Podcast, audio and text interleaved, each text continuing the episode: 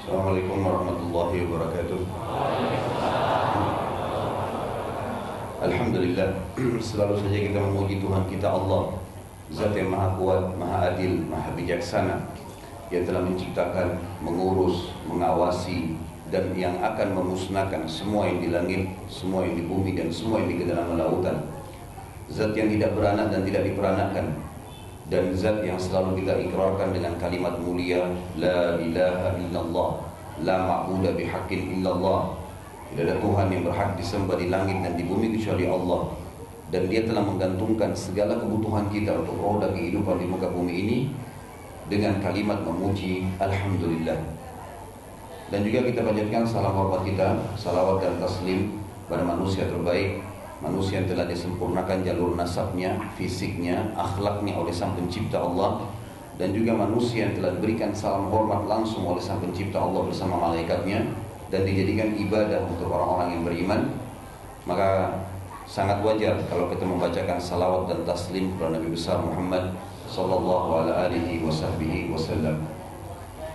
Maaf di awal pertemuan dan ini di semua pengajian saya saya sampaikan.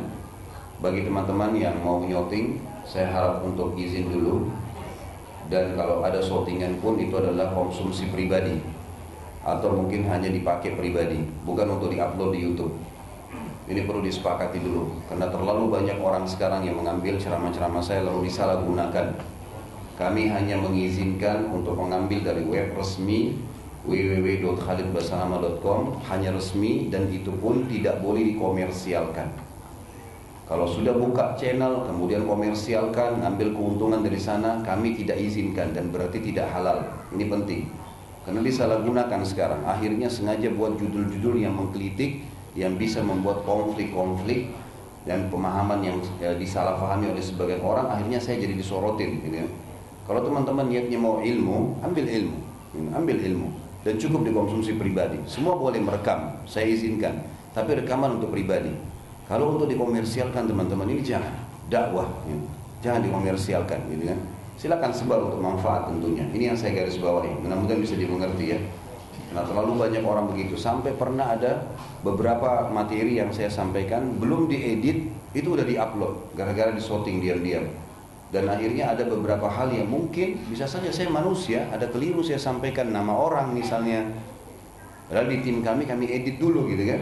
Ini enggak maka langsung diupload. Atau mungkin ada pertanyaan yang memang sensitif khilafiyah. Sehingga ini saya jelaskan. Lalu disorotilah jadi masalah lagi gitu kan?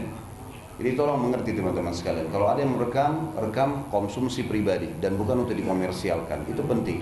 Kalau mau ngambil ceramah silakan ambil di uh, web resmi. Baik kita lanjutkan kajian sirah kita. Dan kajian sirah ini sudah masih dalam masalah perang Khaybar dan yang terakhir kita bahas bagaimana pelajaran-pelajaran yang diambil dari perang Khaybar itu sendiri. Ada kurang lebih eh, enam poin yang saya jelaskan.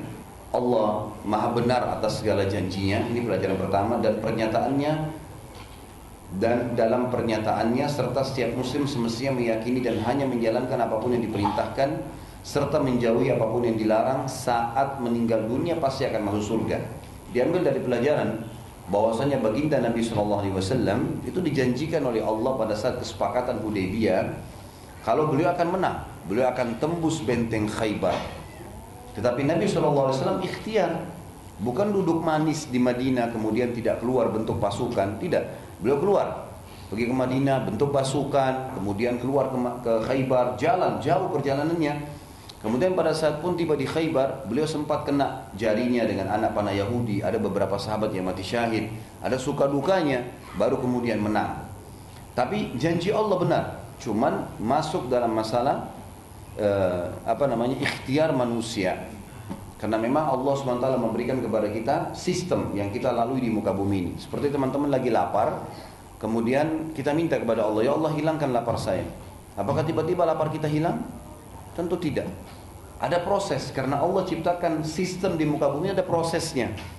Kita harus dapat makanan, kunyah, telan, diproses dengan usus baru kemudian laparnya hilang. Itu sunnatullah. Tetap juga akan hilang laparnya, tetapi proses. Gitu? Itu penting. Teman-teman sekarang suka dengan pagi hari seperti ini misalnya. Lalu berdoa sama Allah, Ya Allah datangkan malam. Tiba-tiba malam datang? Gak mungkin kan? Karena sunnatullah malam ada waktunya. Ada orang bilang, Ya Allah matikan saya. Dia nggak akan mati karena kalau ajalnya kalau ajalnya belum datang karena Allah sudah tentukan sistem itu. Nah kita harus paham janji Allah benar tidak akan salah. Tapi dia turun ke muka bumi dengan proses yang sudah ada, sistem yang sudah ada. Jadi jangan putus asa dengan doa. Kalau kita ikhtiar berdoa, jangan putus asa. Makanya kata Nabi SAW dalam sebuah hadis berhubungan dengan masalah doa, yustajabu li ahadikum malam ya'jal. Pasti Allah akan terima doa seseorang di antara kalian selama dia tidak tergesa-gesa. Sahabat bertanya, oke okay, ya'jal ya Rasulullah, bagaimana cirinya orang tergesa-gesa itu? Kata Nabi SAW, Yaqulu da'autu da'autu walam yustajabu li fatarakat du'a. Dia bilang saya sudah berdoa, saya sudah berdoa tapi Allah belum kabulkan. Lalu dia tinggalkan doa itu. Baru satu kali, dua kali berdoa sudah mau berharap Allah langsung segera kasih. Tidak teman sekalian. Kita sakit, kita berdoa, ya Allah sembuhin. Allah kabulkan. Bagaimana caranya? Allah mudahkan kita ketemu dokter yang cocok, resep yang cocok, dosis obatnya ada. Tiga hari, seminggu, sebulan, baru kita sembuh. Itu juga sama, janji Allah benar. Gitu kan? Jadi kita harus tahu janji Allah benar dan berjalan sesuai dengan sistem yang telah Allah ciptakan. Jelas sampai sini ya? Ini poin penting. Pelajaran kedua, kemenang, kemenangan akan selalu berada di pihak muslimin asal mereka bertakwa. Jumlah dalam jihad tidak penting. Biar satu orang, dua orang, tiga orang, tapi kalau mereka benar, Allah akan berikan kemenangan. Dan selalu saja dalam sejarah tidak pernah pasukan muslimin lebih banyak daripada pasukan kafir umumnya lebih sedikit. Seperti contoh perang Khaybar yang kita sedang bahas. Perang Khaybar ini tentu saya review pelajaran terakhir kita ya. Kita belum masuk pelajaran hari ini. Maka jumlah muslimin yang keluar dari Madinah itu 1400 orang. Kurang lebih 1395 orang. Karena ada yang sempat tidak ikut gitu kan, empat orang. Empat orang atau lima orang, empat orang satunya munafik, empat orangnya muslim. 1395 orang ini teman-teman bersama Nabi SAW sedang menghadapi 10.000 orang pasukan Yahudi. 10.000. Lebih dari 10.000 malah. Ada riwayat yang menjelaskan sampai 14.000. Artinya jumlah muslimin hanya 10%. Tapi berhasil mengalahkan Yahudi dan setiap benteng mereka tembus. Dan orang Yahudi tidak berani menyerang atau menghadapi Nabi SAW. Jadi kemenangan pasti di tangan orang-orang beriman. Dan bukan karena masalah jumlah, juga peralatan. Tapi masalahnya ketakwaannya seseorang. Patuh nggak sama Allah, ikhlas nggak? Yang ketiga, pelajaran dari Khaybar, keburukan akhlak dan perilaku kaum Yahudi yang telah dipaparkan oleh Allah yang Maha Perkasa. Jadi memang orang-orang Yahudi teman-teman sampai hari kiamat akan selalu buruk. Mereka cinta dunia berlebihan. Mereka bisa menipu walaupun keluarganya sendiri dengan alasan mengejar urusan dunia. Apalagi kalau cuma sekian muslimin, gitu kan. Jadi mereka suka memanipulasi data dan sudah kita ceritakan beberapa hal-hal seperti misalnya ada beberapa Yahudi kalau masih ingat saya sampaikan yang lalu mereka keluar dari benteng Khaybar lalu mereka bertemu dengan Nabi Shallallahu Alaihi Wasallam lalu Nabi tanya ada apa dengan kamu dia bilang saya datang dari benteng yang kuat pasukannya banyak makanannya banyak ya dan seterusnya lalu kata Nabi SAW apa kau mau nakut-nakuti nakut-nakuti saya Allah telah janjikan saya pasti menembus benteng kalian. Apa kata Yahudi tersebut? Kami juga tahu.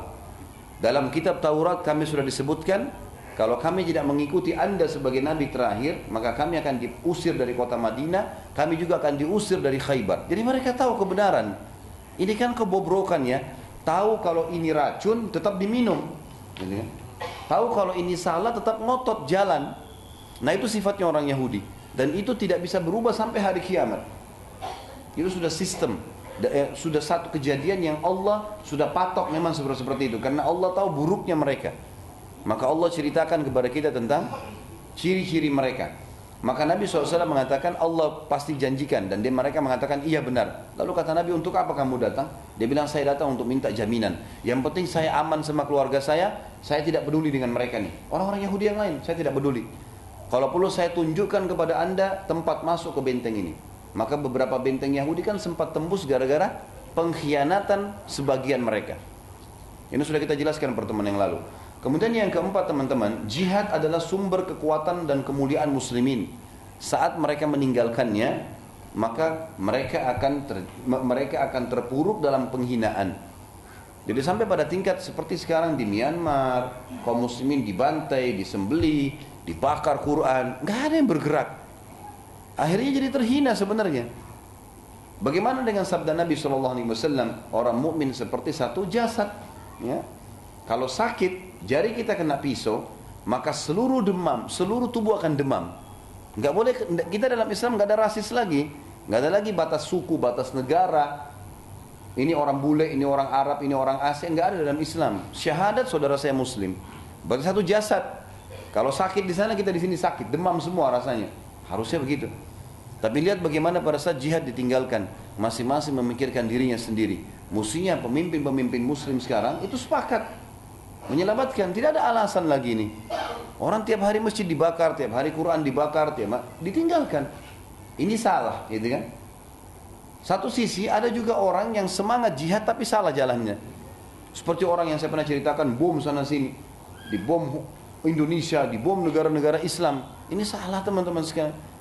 Hanya karena alasan di situ ada orang kafir. Baik, dua tiga orang kafir mati, tapi orang Islam berhasil dicap dengan teroris lah, segala macam hal dan dia dihitung memberontak dengan pemerintah setempat nggak boleh dalam Islam ini jadi kita harus betul-betul berada di sumber jihad yang benar ya harus benar di antaranya jihad akan menjadi fardu ain atau fardu kifayah ataupun sunnah dalam kasus yang akan saya ceritakan yang pertama dia akan jadi fardu ain kalau wilayah itu dikuasai oleh penjajah kayak kasus kasus dulu Indonesia dikuasai oleh Belanda dikuasai oleh Jepang sekarang Palestina dikuasai oleh Israel ini wajib fardu ain harus membela, ngusir musuh keluar. Nggak ada pilihan. Bisa perang atau nggak bisa perang, belajar harus fardu ain. Yang kedua, kalau pemimpin muslim setempat mewajibkan. Kayak misal Presiden Indonesia mengatakan jihad lawan misalnya Myanmar. Harus kita ikut semua laki-laki. Panggilan jihad membela agama dari pemimpin yang resmi, ya. Kemudian yang ketiga, kalau seorang muslim berada di satu wilayah konflik, dia lagi berangkat ke satu wilayah, ternyata terjadi di situ wilayah ada konflik antara muslim sama kafir. Dia nggak boleh keluar ini. Karena haram hukumnya lari dari kancah peperangan. Tidak ada sifat pengecut bagi seorang muslim. Karena teman-teman sekalian mati akan datang kalau ajal datang. Bukan karena antum sedang berada di satu lokasi atau satu keadaan. Kita di kancah peperangan atau lagi tidur di rumah atau lagi duduk di masjid atau lagi ngobrol sama teman, kalau ajalnya datang mati pada saat itu. Malaikat maut tidak lihat kamu dalam keadaan apa, gitu. Tapi dia akan cabut di saat waktu yang sudah Allah tentukan. Kalau begitu kenapa harus takut mati? Udah pasti-pasti kita akan mati kok. Di kancah peperangan atau tidak. Tapi kalau dalam kondisi jihad, pahalanya lebih besar. Bisa mati syahid, bisa masuk surga tanpa hisap, bisa, bisa, bisa. Segala macam hal yang dialami. Maka perlu diketahui teman-teman, kalau kita masuk di satu wilayah konflik, kita tidak sengaja lewat, ternyata pas pesawatnya dibajak misalnya, atau ternyata terjadi masuk ke wilayah perang, kayak waktu terjadi perang dunia misalnya, gitu kan. Sekarang kan alhamdulillah aman, tapi umumnya dulu terjadi perang dunia, kita ke sana perang, di sana kita perang. Masuk di wilayah konflik, muslim sama kafir sedang berperang, kita nggak boleh lari. Makanya kata Nabi SAW dalam hadis hindari tujuh dosa yang membinasakan, tujuh dosa besar. Di antaranya setelah syirik, setelah durhaka sama orang tua, sihir, ya. Kemudian ada lari dari medan perang. Masuk dalamnya. Kemudian makan harta riba, makan harta anak yatim dan mabuk, ya. Ada masuk di dalamnya, tapi yang jelas ini lari dari kancah peperangan, masuk dalamnya. Dia akan menjadi fardu kifayah, wajib tapi gugur bagi yang yang uh, tergugurkan dengan adanya sebagian sudah melakukan, namanya fardu kifayah. Seperti kalau sholat jenazah. Kalau ada sholat kalau ada jenazah teman-teman, kemudian sudah ada yang sholati di antara kaum muslimin, maka yang lain sudah gugur hukumnya. Tapi kalau ada jenazah nggak ada yang sholatin, wajib kita sholatin. Ini namanya fardu kifayah, gugur bagi yang lain. Seperti misal kalau ada yang masuk di masjid ini dia telat, lalu dia bilang assalamualaikum warahmatullahi wabarakatuh. Ada satu orang yang jawab waalaikumsalam wabarakatuh. Yang lain gugur hukumnya. Karena sudah dijawab ini namanya fardu kifayah. Nah kasusnya sama dengan teman-teman kita di Palestina. Bagi penduduk setempat hukumnya fardu ain. Tapi bagi kita dari luar namanya fardu kifayah. Tercukupkan dengan adanya muslimin sana. Kita bantu dengan yang lainnya. Kita bantu dengan doa, dengan materi, dengan segala macam. Yang ketiga, jihad bisa jadi sunnah. Tidak kewajiban. Seperti misal, wilayah muslimin lagi aman, nggak ada masalah. Tapi ada perbatasan antara muslim sama kafir, perbatasan yang perbatasan ini mungkin bisa konflik, mungkin bisa konflik. Lalu ada orang mau mau mau dapat pahala ribat. Siapa tahu terjadi konflik maka dia coba ikut gitu. Itu hukumnya sunnah. Dia sunnah saja. Dan ini kata Nabi SAW, ribatu yawman fisabilillah khairu minad dunya wa fiha. Berjaga-jaga di perbatasan antara muslim sama kafir satu hari saja lebih baik daripada dunia dan seluruh isinya. Tapi yang jelas jihad ada teman-teman sekalian dalam Islam dan ini perang suci menjaga kehormatan agama Allah dan ini sudah kita jelaskan dari kehidupan baginda Nabi Sallallahu Alaihi Wasallam. Yang kelima, jihad juga termasuk sumber rezeki. Kalau teman-teman ikuti ceramah saya yang saudaraku ini rahasia rezekimu, ada 15 sekian saya sebutkan dan sekarang saya buat ceramah baru, saya tambahkan dengan yang ke-16 masalah jihad. Karena di jihad ada ghanimah, ada harta rampasan perang dan itu halal bagi muslimin. Semua peralatan perangnya musuh itu jadi ghanimah dibagi-bagi untuk para mujahidin. Itu namanya ghanimah. Kata Nabi SAW telah diharamkan ghanimah untuk nabi-nabi sebelumku dan dihalalkan untukku. Sebelum Nabi SAW, kalau ada nabi-nabi yang berperang, maka semua harta yang ditinggalkan dalam bentuk materi ya, eh, itu yang semua ditinggalkan oleh musuh dikumpulin, kemudian nabinya berdoa, lalu turun petir dari langit membakarnya. Tapi setelah Nabi SAW diutus, maka jadi halal ghanimah itu. Boleh diambil, maka dia menjadi sumber Makanya banyak sahabat yang menjadi kaya pada saat negeri Persia diekspansi Islam ke sana. Mereka ditawarkan Islam, mereka tidak mau, akhirnya terjadi peperangan dan pada saat mereka kalah, wilayah Persia, Irak, Iran, Afghanistan semua itu, Rusia runtuh di tangan sahabat mujahidin. Dan mereka dapat banyak sekali harta ghanimah pada saat itu. Sampai Ali bin Abi Thalib mengatakan, saya mendapatkan sepotong dari karpetnya Kisra itu untuk cukup untuk duduk dia dengan istrinya. Dia bisa jual 60 ribu dinar. Saking mahalnya gitu kan. Jadi banyak sekali. Jadi memang dia jadi sumber penghasilan. Kemudian yang keenam yang terakhir Yahudi Khaybar dan Fadak menjadi budak muslimin dan mereka terusir di zaman Umar bin Khattab. Dan ini sudah kita jelaskan juga pada pertemuan yang lalu ya. Jadi karena mereka kalah perang mereka ditawarkan Islam mereka nolak. Ditawarkan bayar putih mereka nolak. Pada saat mereka tetap milih peperangan dan mereka kalah mereka menjadi hamba sahaya dalam Islam. Dan sunnahnya kita tentu mendidik para hamba sahaya, kita bebasin. Kita tahu kalau orang berhubungan badan suami istri di Ramadan, di tengah hari Ramadan batal puasanya, maka kafarahnya dendanya selain tobat kepada Allah dia bebasin budak. Kalau nggak ada dia puasa dua bulan berturut-turut. Kalau nggak bisa baru kemudian dia memberikan makan 60 orang miskin. Kita tahu orang sumpah misalnya dia mengatakan demi Allah. Gitu. kemudian dia salah dengan sumpahnya. Jadi dia sudah azam sumpah tadi, bayar kafarah, bebasin budak. Kalau nggak bisa, maka puasa tiga hari. Kalau nggak ada, kalau nggak bisa pun dia memberikan makan atau pakaian 10 orang miskin. Jadi memang pembebasan budak dalam Islam itu ada dan ada hukumnya sendiri. Kita kalau kembali kepada buku, ada buku-buku fikih ada namanya hukum raqabah. Dan pada saat Nabi SAW menembus Khaybar dengan kekuatan, maka seluruh Yahudi yang ada pada saat itu, yang mau tinggal, maka mereka menjadi budak muslimin, hamba sahaya. Dan ternyata mereka berkhianat lagi pada saat itu. Berkhianat di zaman Umar bin Khattab, maka Umar bin Khattab pun mengusir mereka. Karena ada satu muslim dibunuh di situ, di Khaybar, dan Umar minta pembunuhnya, mereka tidak mau.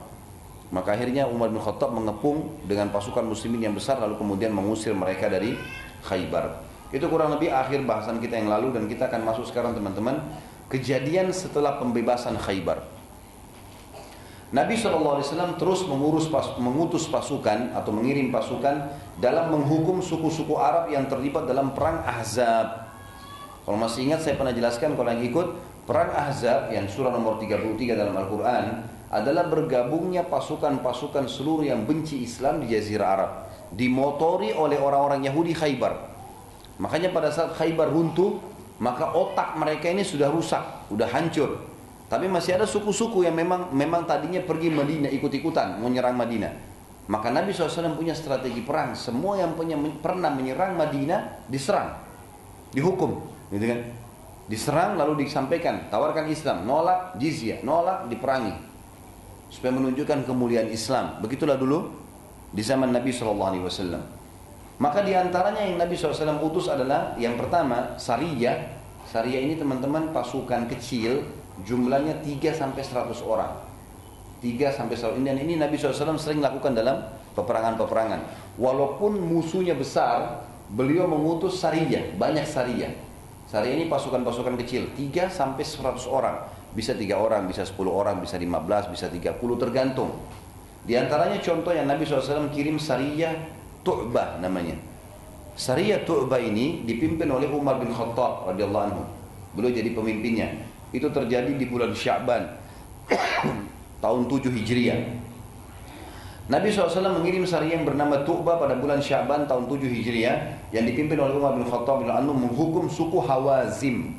Salah satu suku yang ikut untuk menyerang Madinah di perang Ahzab. Tapi Hawazim berhasil melarikan diri karena mereka punya beberapa mata-mata, mereka tahu muslimin datang, mereka lari. Dan ini subhanallah sifatnya orang-orang kafir. Pada saat orang Islam aktif, aktif dalam membela agamanya, mereka lari ketakutan. Karena beda targetnya. Umat Islam masuk kancah peperangan, target pertama mati dulu. Bagaimana dia bisa mati syahid? Kalau mujahid itu ikhlas, begitu masuk perang, dia nggak mau pulang ke rumahnya itu. Dia bagaimana mati dulu, gitu kan? Kenapa saya bilang teman-teman, kasus proses mati bisa berbeda-beda, tapi mati itu cuma satu.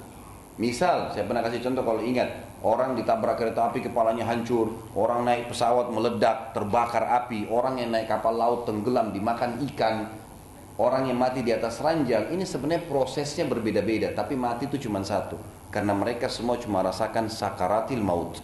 Proses dicabutnya ruh. Yang ditabrak kereta api nggak lagi bilang aduh kepala saya sakit. Nggak ada lagi.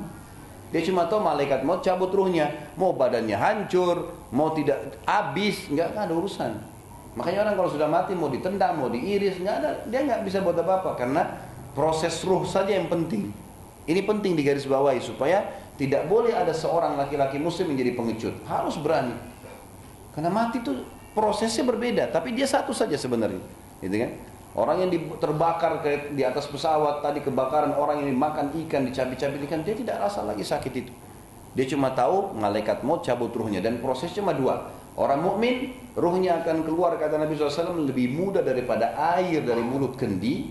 Kalau dia orang kafir atau fasik akan sulit keluar dari tubuhnya karena bertebaran ruhnya. Lalu malaikat mencambuk dengan keras wajah dan bokong mereka lalu ditarik dengan keras ibaratnya seperti bulu domba yang dibasahkan lalu dililitkan di pohon berduri dan ditarik sehingga berantakanlah bulu domba itu cuma itu saja prosesinya jadi ini perlu digarisbawahi teman-teman sekalian makanya para sahabat kena paham poin apa yang saya jelaskan ke bapak ibu sekarang mereka nggak pernah takut sama sekali dan perbedaan dasar antara pasukan Islam sama pasukan Muslim walaupun jumlah Muslim sedikit targetnya mati dulu bayangkan orang kalau duel orang kalau berperang mau mati Jangan dia cari mati. Dia akan menyerang semaksimal mungkin kan gitu. Itu yang dimaksud. Dari orang kafir beda. Mereka berharap perang tapi mereka bisa pulang hidup. Kalau kita enggak. Pulang hidup itu berarti menang. Kalau mati habis semua pasukan berarti menang. Dua-duanya menang, enggak ada kalah gitu. Tapi mati adalah target utama. Pada saat itu Umar bin Khattab berhasil tiba di suku Hawazim tapi sudah hilang, nggak ada lagi suku itu sudah hilang semuanya maka Umar bin Khattab pun kembali Lalu kemudian Umar bin Khattab melalui suku Khuz'um. Suku ini juga pernah terlibat dalam perang Ahzab. Salah satu sahabat berkata kepada Umar, "Bila engkau ingin, aku akan tunjukkan tempat Khuz'um yang bisa sekalian diserang. Karena Hawazim gak ada, kita serang aja di Khuz'um." Sama juga terlibat juga kok. Umar berkata, "Tidak demi Allah." Rasulullah SAW tidak memerintahkan kecuali ke Hawazim. Lihat di sini, bagaimana seorang muslim patuh pada pemimpin wajib teman-teman sekalian wajib seseorang kalau sholat wajib patuh sama imamnya pemimpinnya harus imam ruku ruku sujud sujud dia suka nggak suka harus kalau dia langgar batal sholatnya ya. seorang iswa istri wajib patuh sama suaminya selama bukan maksiat keluar izin ini izin semua harus izin wajib patuh bentuk kepatuhan kepada Allah Seseorang lagi safar, kata Nabi SAW apa? Kalau tiga orang safar, janganlah tiga orang safar kecuali sudah tunjuk salah satu jadi pemimpin. Dia bilang berhenti, berhenti. Dia bilang jalan, jalan. Ikuti dia. Kita tahu dalam peperangan ada panglima perang. Harus dipatuhi. Dia bilang serang-serang, dia bilang enggak-enggak. Gitu kan. Jelas sekali. Kemudian juga kita tahu dalam pemimpin negara selama bukan memerintahkan maksiat maka wajib dipatuhi. Enggak boleh seseorang itu keluar atau dikenal dengan khuruj ya, keluar dari masalah pemerintahan yang resmi sementara memang dia tidak boleh. Dan ini dia teman-teman perlunya dalam Islam patuh ini supaya rapi kehidupan dan tidak boleh kita cengkal. Perhatikan di sini Umar bin Khattab saking tegasnya bukan hanya sekedar mengejar ghanimah.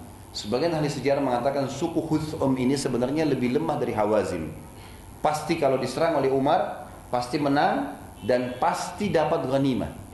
Ghanimah dibagi untuk mujahidin. Dia akan dapat harta. Di silent saya teman-teman. Jadi pada saat ya dia menyerang pun dia akan dapat, tapi dia nggak lakukan. Kenapa? Karena Nabi SAW suruh ke Hawazim saja, jangan yang lain.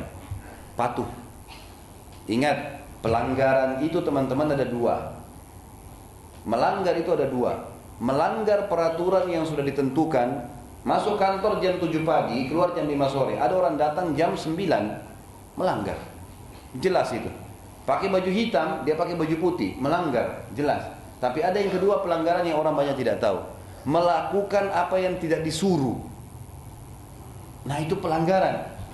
Ini kalau dalam ibadah biasa kita sebutkan dengan bidah, gitu kan? Pelanggaran. Nggak disuruh tapi dilakukan. Nggak apa-apa. Enggak, bukan.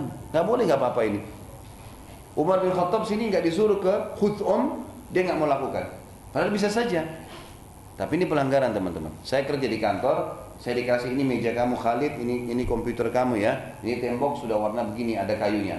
Terus saya bilang gini, kayaknya nggak bagus nih kayu. Saya ganti aja deh, saya pasang keramik, panggil tukang, pakai duit saya sendiri ya, panggil tukang, bongkar, ganti keramik. Pemilik, pemilik perusahaan tidak mau itu.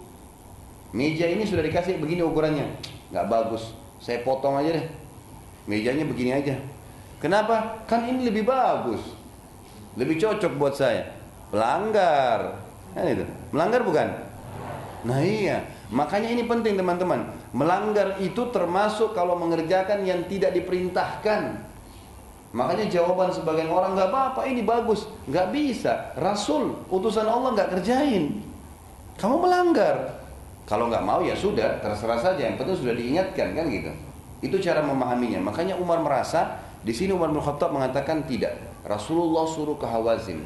Kalau saya ke Huzum walaupun menang melanggar Rasulullah SAW. Nah, Rasulullah tidak suruh. Gitu. Yang kedua, sariyahnya Abu Bakar radhiyallahu anhu bulan Syaban tahun 7 Hijriah. Nabi SAW mengutus ke suku Khuzara, ya. Khuzara, suku Khuzara dan suku Kilab. Sariyah ini maaf. Sariyah ini berhasil mengalahkan kedua suku tersebut dan membawa ganima yang sangat banyak pulang ke Madinah. Yang kita lihat di sini teman-teman sekalian, Rasulullah SAW mengutus dalam syariah orang-orang terdekatnya. Banyak orang berpikir Abu Bakar sama Umar disuruh nggak sih sama Nabi? Suruh berperang, mertuanya, gitu kan? Perang, pimpin malah, disuruh mimpin, gitu kan? Yang ketiga, syariahnya Bashir bin Sa'ad radhiyallahu anhu majma'in. Ini ke Fadak, ya tempatnya orang Yahudi juga. Nabi SAW lalu mengutus Bashir radhiyallahu berjumlah 30 orang ke suku Murrah yang dipimpin oleh Al Harith bin Auf. Jadi dia ke suku Fadak, kemudian dia disuruh oleh Nabi SAW ke suku Murrah dan jumlahnya cuma 30 orang. Tapi subhanallah pasukan yang tulus karena Allah itu umumnya diberikan kemenangan oleh sang pencipta Allah. Dan suku Murrah yang dipimpin oleh Al Harith bin Auf yang dulunya pernah menasihati Uyaina bin Muhsin kepala suku Gatafan agar jangan ikut campur masalah penyerangan muslim ke Khaybar. Masih ingat kisah Uyaina si bodoh? Hah? Ya? Yang waktu Nabi SAW mau nyerang Khaybar, kemudian dia mau bela Yahudi, sampai akhirnya sudah kalah, gitu kan? Sudah kalah Yahudi masih negosiasi sama Nabi minta harta. Ya, akhirnya Nabi mengatakan saya akan kasih kamu satu gunung di padang pasir sana, ambil aja. Tapi itu kita tidak kembali lagi menjelaskan karena ini kisahnya ada, sudah kita jelaskan yang lalu. Ya jelas teman-teman sekalian, pasukan ini karena suku Murrah ikut dalam perang Ahzab maka Nabi SAW tetap menghukumnya. Hanya saja suku Murrah telah berjaga-jaga dan berhasil mengepung 30 sahabat dan Bashir radhiyallahu anhu terluka dan sempat menyelamatkan diri ke benteng Yahudi Fadak. yang pada saat itu dibawa naungan muslimin. Karena mereka punya kesepakatan ya sama muslimin. Mereka bayar jizyah pada saat itu. Dan berhasil selamat waktu itu dan seorang sahabat lainnya berhasil melarikan diri ke Madinah dan memberitakan kekalahan uh, Sariyah ini kepada Nabi SAW sementara sisa pasukan hanya 28 orang maaf sisa dua orang yang 28 orang mati terbunuh Kejadian ini sempat membuat Arab-Arab Badui tamak menyerang Madinah, namun mereka masih belum berani, gitu kan. Yang keempat, Sariyah Ghalib bin Laith radhiyallahu anhu. Ghalib bin Laith radhiyallahu anhu ini dikirim oleh Nabi SAW di bulan Ramadan, juga masih sama tahun 7 Hijriah. Nabi SAW mengutus 130 orang yang dipimpin oleh Ghalib bin Laith radhiyallahu ke suku Tha'labah. Suku Tha'labah ini suku-suku Arab juga yang ikut terlibat di uh, Ahzab. Ghalib sangat berhati-hati pada saat itu karena dia sudah ambil pelajaran dari kejadiannya Bashir yang tadi 30 orang 28 terbunuh cuma dua yang selamat. Itu semua kenapa? Karena suku-suku Arab ini sudah tahu akan diserang, maka mereka menjaga di jalan-jalan yang jauh dari sukunya kemudian menyerang tiba-tiba muslimin. Tapi Ghalib cerdas, dia sudah tahu kejadian ambil dari Bashir. Maka dia pun pada saat itu Ghalib memerintahkan agar setiap sahabat bersama selalu dengan dua orang dan mereka saling mengenal baik dengan gerakan maupun nama sehingga tidak saling serang saat menyerang musuh dan pada saat malam hari sudah gelap.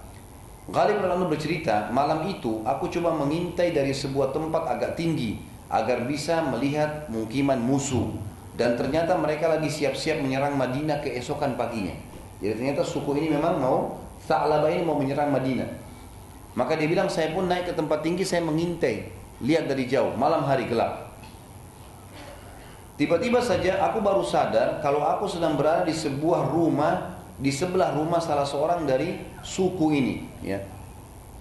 Pemilik rumah berkata pada istrinya yang aku sempat dengar suaranya, sesungguhnya malam tidak ada bayangan hitam ya di atas bukit. Yang itu kok sekarang ada bayangannya?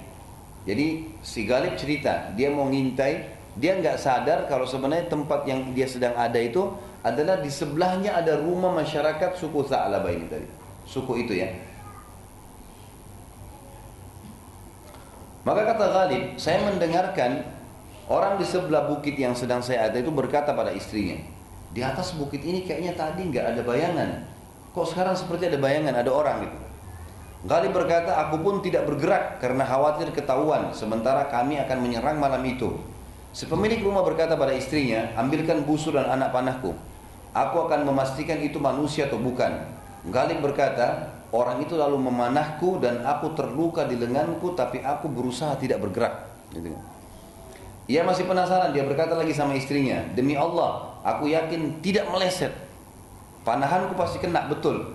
Tapi biar aku pastikan lagi. Lalu ia memanahkan lagi yang kedua kalinya. Tepat kena di lenganku yang kedua kalinya. Bersebelahan antara anak panah dengan anak panah yang keduanya. Merobek dan keluar darah. Dan aku berusaha untuk tidak bergerak. Orang itu berkata lagi, demi Allah, kalau itu sesuatu yang bernyawa pasti dia akan bergerak. Pada malam itu terjadilah, karena, kejadian ini akhirnya Galib orang itu tidur, Galib pun berhasil pergi dan dia sudah bisa tahu kira-kira kekuatan musuh ada berapa orang. Dan setelah dia pastikan jumlah mereka, sudah dipastikan juga mereka istirahat semuanya, maka Ghalib pun pada saat itu menyuruh pasukannya untuk menyerang pada malam itu. Mereka menyerang dan berhasil memenangkan peperangan serta membawa banyak sekali hewan ternak dan tawanan perang. Maaf saya akan cas dulu. Assalamualaikum warahmatullahi wabarakatuh. Alhamdulillah selalu saja kita memuji Tuhan kita Allah Zat yang maha kuat, maha adil, maha bijaksana. Yang telah menciptakan, mengurus, mengawasi Dan yang akan memusnahkan semua yang di langit Semua yang di bumi dan semua yang di dalam lautan. Zat yang tidak beranak dan tidak diperanakan Dan zat yang selalu kita ikrarkan dengan kalimat mulia La ilaha illallah La ma'budah bihaqqin illallah.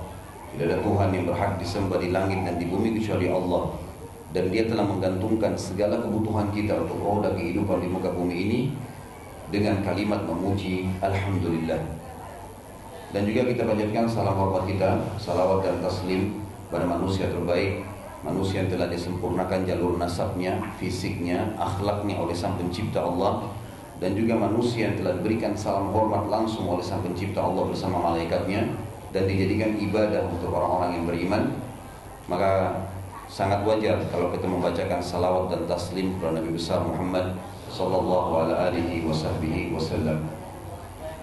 Maaf di awal pertemuan dan ini di semua pengajian saya saya sampaikan bagi teman-teman yang mau nyouting saya harap untuk izin dulu dan kalau ada shortingan pun itu adalah konsumsi pribadi atau mungkin hanya dipakai pribadi bukan untuk diupload di YouTube ini perlu disepakati dulu karena terlalu banyak orang sekarang yang mengambil ceramah-ceramah saya lalu disalahgunakan kami hanya mengizinkan untuk mengambil dari web resmi www.khalidbasanama.com hanya resmi dan itu pun tidak boleh dikomersialkan kalau sudah buka channel, kemudian komersialkan, ambil keuntungan dari sana, kami tidak izinkan dan berarti tidak halal. Ini penting.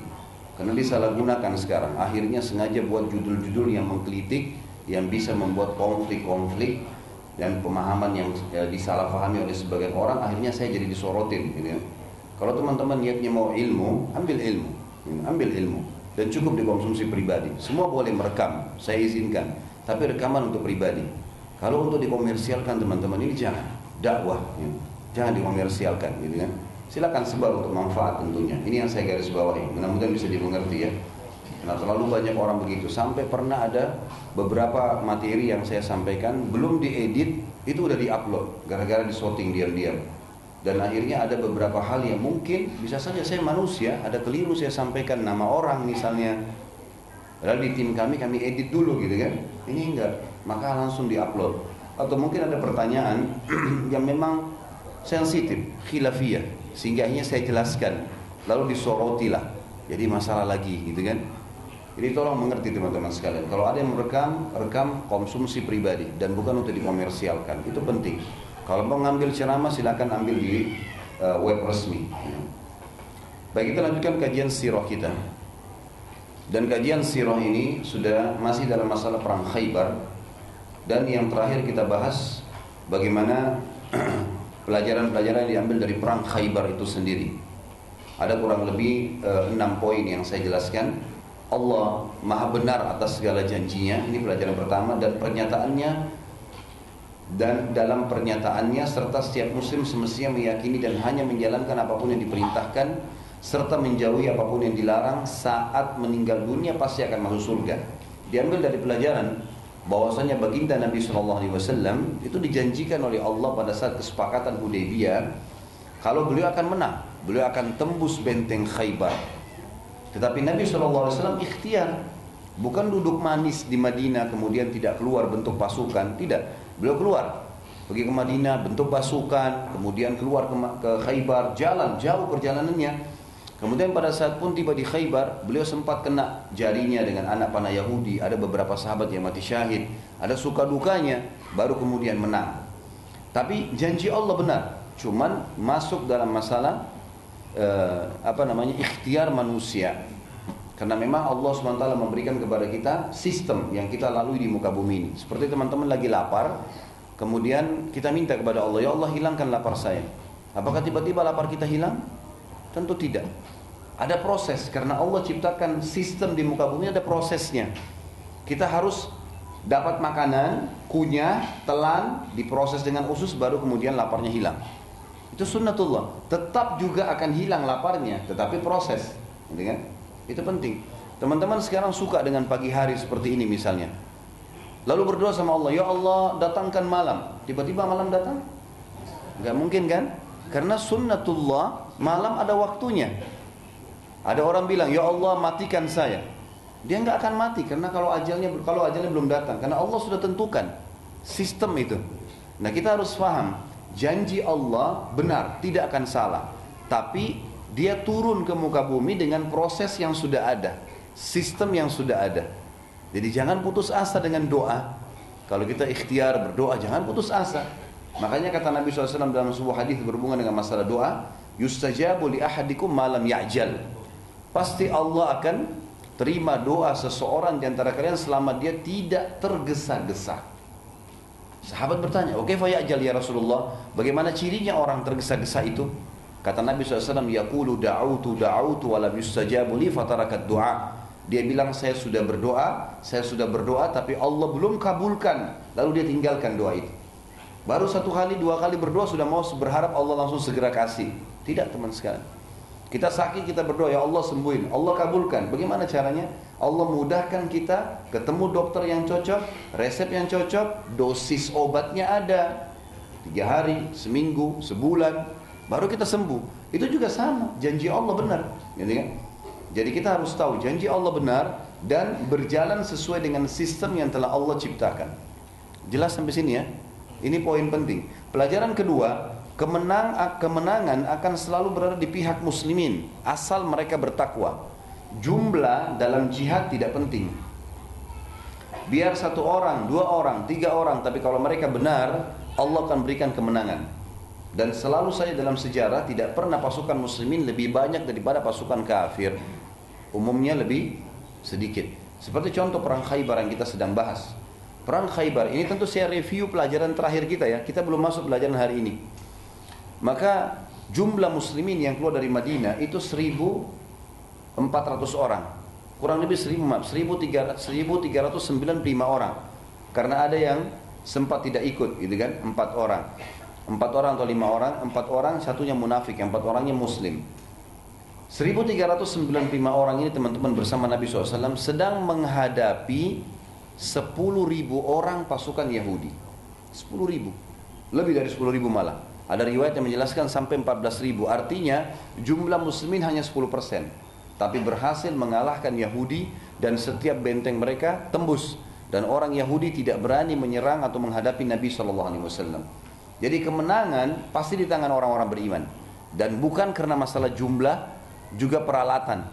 Tapi masalahnya ketakwaannya seseorang. Patuh nggak sama Allah, ikhlas nggak?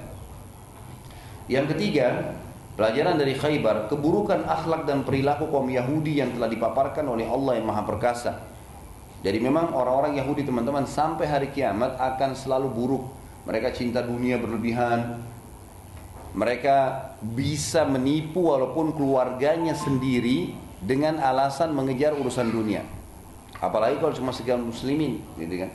Jadi mereka suka memanipulasi data dan sudah kita ceritakan beberapa hal-hal seperti misalnya ada beberapa Yahudi kalau masih ingat saya sampaikan yang lalu mereka keluar dari benteng Khaybar lalu mereka bertemu dengan Nabi Shallallahu Alaihi Wasallam lalu Nabi tanya ada apa dengan kamu dia bilang saya datang dari benteng yang kuat pasukannya banyak makanannya banyak ya dan seterusnya lalu kata Nabi SAW apa kau mau nakut-nakuti nakut-nakuti saya Allah telah janjikan saya pasti menembus benteng kalian. Apa kata Yahudi tersebut?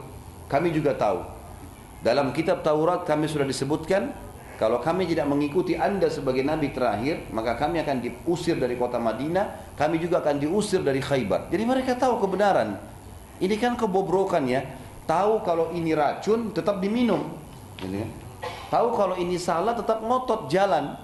Nah itu sifatnya orang Yahudi. Dan itu tidak bisa berubah sampai hari kiamat. Itu sudah sistem, eh, sudah satu kejadian yang Allah sudah patok memang seperti itu karena Allah tahu buruknya mereka. Maka Allah ceritakan kepada kita tentang ciri-ciri mereka.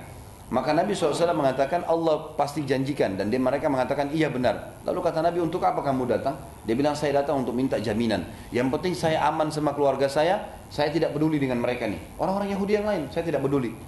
Kalau perlu saya tunjukkan kepada anda tempat masuk ke benteng ini. Maka beberapa benteng Yahudi kan sempat tembus gara-gara pengkhianatan sebagian mereka. Ini sudah kita jelaskan pertemuan yang lalu. Kemudian yang keempat teman-teman, jihad adalah sumber kekuatan dan kemuliaan muslimin. Saat mereka meninggalkannya, maka mereka akan ter, mereka akan terpuruk dalam penghinaan. Jadi sampai pada tingkat seperti sekarang di Myanmar, kaum muslimin dibantai, disembeli, dibakar Quran, nggak ada yang bergerak. Akhirnya jadi terhina sebenarnya. Bagaimana dengan sabda Nabi Shallallahu Alaihi Wasallam orang mukmin seperti satu jasad, ya. Kalau sakit, jari kita kena pisau, maka seluruh demam, seluruh tubuh akan demam. Nggak boleh kita dalam Islam nggak ada rasis lagi, nggak ada lagi batas suku, batas negara. ini orang bule, ini orang Arab, ini orang Asia, nggak ada dalam Islam. Syahadat saudara saya Muslim. Berarti satu jasad. Kalau sakit di sana kita di sini sakit, demam semua rasanya. Harusnya begitu. Tapi lihat bagaimana pada saat jihad ditinggalkan, masing-masing memikirkan dirinya sendiri. Musinya pemimpin-pemimpin Muslim sekarang itu sepakat menyelamatkan. Tidak ada alasan lagi ini. Orang tiap hari masjid dibakar, tiap hari Quran dibakar, tiap ditinggalkan. Ini salah, gitu kan? Satu sisi ada juga orang yang semangat jihad tapi salah jalannya. Seperti orang yang saya pernah ceritakan bom sana sini, di bom Indonesia, di bom negara-negara Islam. Ini salah teman-teman sekalian. Hanya karena alasan di situ ada orang kafir. Baik, dua tiga orang kafir mati, tapi orang Islam berhasil dicap dengan teroris lah, segala macam hal. Dan dia dihitung memberontak dengan pemerintah setempat. Nggak boleh dalam Islam ini. Jadi kita harus betul-betul berada di sumber jihad yang benar. Ya, harus benar di antaranya jihad akan menjadi fardu ain atau fardu kifayah ataupun sunnah dalam kasus yang akan saya ceritakan. Yang pertama, dia akan jadi fardu ain kalau wilayah itu dikuasai oleh penjajah. Kayak kasus-kasus dulu Indonesia dikuasai oleh Belanda, dikuasai oleh Jepang, sekarang Palestina dikuasai oleh Israel. Ini wajib fardu ain. Harus membela, ngusir musuh keluar. Nggak ada pilihan. Bisa perang atau nggak bisa perang, belajar harus fardu ain. Yang kedua, kalau pemimpin muslim setempat mewajibkan. Kayak misal Presiden Indonesia mengatakan jihad lawan misalnya Myanmar. Harus kita ikut semua laki-laki. Panggilan jihad membela agama dari pemimpin yang resmi, ya. Kemudian yang ketiga, kalau seorang muslim berada di satu wilayah konflik, dia lagi berangkat ke satu wilayah, ternyata terjadi di situ wilayah ada konflik antara muslim sama kafir. Dia nggak boleh keluar ini. Karena haram hukumnya lari dari kancah peperangan. Tidak ada sifat pengecut bagi seorang muslim. Karena teman-teman sekalian mati akan datang kalau ajal datang. Bukan karena antum sedang berada di satu lokasi atau satu keadaan. Kita di kancah peperangan atau lagi tidur di rumah atau lagi duduk di masjid atau lagi ngobrol sama teman. Kalau ajalnya datang mati pada saat itu. Malaikat maut tidak lihat kamu dalam keadaan apa. Gitu. Tapi dia akan cabut di saat waktu yang sudah Allah tentukan. Kalau begitu kenapa harus takut mati? Udah pasti-pasti kita akan mati kok. Di kancah peperangan atau tidak. Tapi kalau dalam kondisi jihad, pahalanya lebih besar. Bisa mati syahid, bisa masuk surga tanpa hisap, bisa, bisa, bisa. Segala macam hal yang dialami. Maka perlu diketahui teman-teman, kalau kita masuk di satu wilayah konflik, kita tidak sengaja lewat, ternyata pas pesawatnya dibajak misalnya atau kemudian terjadi masuk ke wilayah perang kayak waktu terjadi perang dunia misalnya gitu kan sekarang kan alhamdulillah aman tapi umumnya dulu terjadi perang dunia kita ke sana perang di sana kita perang masuk di wilayah konflik muslim sama kafir sedang berperang kita nggak boleh lari makanya kata Nabi saw dalam hadis hindari tujuh dosa yang membinasakan tujuh dosa besar di antaranya setelah syirik setelah durhaka sama orang tua sihir ya Kemudian ada lari dari medan perang. Masuk dalamnya. Kemudian makan harta riba, makan harta anak yatim dan mabuk ya. Ada masuk di dalamnya, tapi yang jelas ini lari dari kancah peperangan, masuk dalamnya. Dia akan menjadi fardu kifayah, wajib tapi gugur bagi yang yang e, tergugurkan dengan adanya sebagian sudah melakukan, namanya fardu kifayah. Seperti kalau sholat jenazah. Kalau ada sholat kalau ada jenazah teman-teman, kemudian sudah ada yang sholati di antara kaum muslimin, maka yang lain sudah gugur hukumnya. Tapi kalau ada jenazah nggak ada yang sholatin, wajib kita sholatin. Ini namanya fardu kifayah, gugur bagi yang lain. Seperti misal kalau ada yang masuk di masjid ini dia telat, lalu dia bilang assalamualaikum warahmatullahi wabarakatuh. Ada satu orang yang jawab waalaikumsalam wabarakatuh. Yang lain gugur hukumnya. Karena sudah dijawab ini namanya fardu kifayah. Nah kasusnya sama dengan teman-teman kita di Palestina. Bagi penduduk setempat hukumnya fardu ain. Tapi bagi kita dari luar namanya fardu kifayah. Tercukupkan dengan adanya muslimin sana. Kita bantu dengan yang lainnya. Kita bantu dengan doa, dengan materi, dengan segala macam. Yang ketiga, jihad bisa jadi sunnah. Tidak kewajiban. Seperti misal, wilayah muslimin lagi aman, nggak ada masalah. Tapi ada perbatasan antara muslim sama kafir. Perbatasan yang perbatasan ini mungkin bisa konflik. Mungkin bisa konflik. Lalu ada orang mau mau mau dapat pahala ribat. Siapa tahu terjadi konflik maka dia coba ikut gitu. Itu hukumnya sunnah. Dia sunnah saja. Dan ini kata Nabi SAW ribatu yawman fisabilillah khairu minad dunya wa fiha. Berjaga-jaga di perbatasan antara muslim sama kafir satu hari saja lebih baik daripada dunia dan seluruh isinya. Tapi yang jelas jihad ada teman-teman sekalian dalam Islam dan ini perang suci menjaga penghormatan agama Allah dan ini sudah kita jelaskan dari kehidupan baginda Nabi Sallallahu Alaihi Wasallam. Yang kelima, jihad juga termasuk sumber rezeki. Kalau teman-teman ikuti ceramah saya yang saudaraku ini rahasia rezekimu, ada 15 sekian saya sebutkan dan sekarang saya buat ceramah baru, saya tambahkan dengan yang ke-16 masalah jihad. Karena di jihad ada ghanimah, ada harta rampasan perang dan itu halal bagi muslimin. Semua peralatan perangnya musuh itu jadi ghanimah, dibagi-bagi untuk para mujahidin. Itu namanya ghanimah. Kata Nabi SAW telah diharamkan ghanimah untuk nabi-nabi sebelumku dan dihalalkan untukku. Sebelum Nabi SAW, kalau ada nabi-nabi yang berperang, maka semua harta yang ditinggalkan dalam bentuk materi ya, eh, itu yang semua ditinggalkan oleh musuh dikumpulin, kemudian nabinya berdoa, lalu turun petir dari langit membakarnya. Tapi setelah Nabi SAW diutus, maka jadi halal ghanimah itu. Boleh diambil, maka dia menjadi sumber. Makanya banyak sahabat yang menjadi kaya pada saat negeri Persia diekspansi Islam ke sana mereka ditawarkan Islam, mereka tidak mau, akhirnya terjadi peperangan dan pada saat mereka kalah, wilayah Persia, Irak, Iran, Afghanistan semua itu, Rusia runtuh di tangan sahabat, mujahidin dan mereka dapat banyak sekali harta ghanimah pada saat itu. Sampai Ali bin Abi Thalib mengatakan, saya mendapatkan sepotong dari karpetnya Kisra itu untuk cukup untuk duduk dia dengan istrinya, dia bisa jual 60 ribu dinar. Saking mahalnya gitu kan. Jadi banyak sekali. Jadi memang dia jadi sumber penghasilan. Kemudian yang keenam yang terakhir Yahudi Khaybar dan Fadak menjadi budak muslimin dan mereka terusir di zaman Umar bin Khattab dan ini sudah kita jelaskan juga pada pertemuan yang lalu ya. Jadi karena mereka kalah perang, mereka ditawarkan Islam, mereka nolak. Ditawarkan bayar putih, mereka nolak. Pada saat mereka tetap milih peperangan dan mereka kalah, mereka menjadi hamba sahaya dalam Islam. Dan sunnahnya kita tentu mendidik para hamba sahaya, kita bebasin, kita tahu kalau orang berhubungan badan suami istri di Ramadan, di tengah hari Ramadan batal puasanya, maka kafarahnya dendanya selain tobat kepada Allah dia bebasin budak kalau nggak ada dia puasa dua bulan berturut-turut kalau nggak bisa baru kemudian dia memberikan makan 60 orang miskin. Kita tahu orang sumpah misalnya dia mengatakan demi Allah, gitu. kemudian dia salah dengan sumpahnya. Jadi dia sudah azam sumpah tadi, bayar kafarah, bebasin budak. Kalau nggak bisa maka puasa tiga hari. Kalau nggak ada, kalau nggak bisa pun dia memberikan makan atau pakaian 10 orang miskin. Jadi memang pembebasan budak dalam Islam itu ada dan ada hukumnya sendiri. Kita kalau kembali kepada buku, ada buku-buku fikih ada namanya hukum raqabah. Dan pada saat Nabi SAW menembus Khaybar dengan kekuatan, maka seluruh Yahudi yang ada pada saat itu, yang mau tinggal, maka mereka menjadi budak muslimin, hamba sahaya. Dan ternyata mereka berkhianat lagi pada saat itu. Berkhianat di zaman Umar bin Khattab maka Umar bin Khattab pun mengusir mereka. Karena ada satu muslim dibunuh di situ di Khaybar dan Umar minta pembunuhnya mereka tidak mau.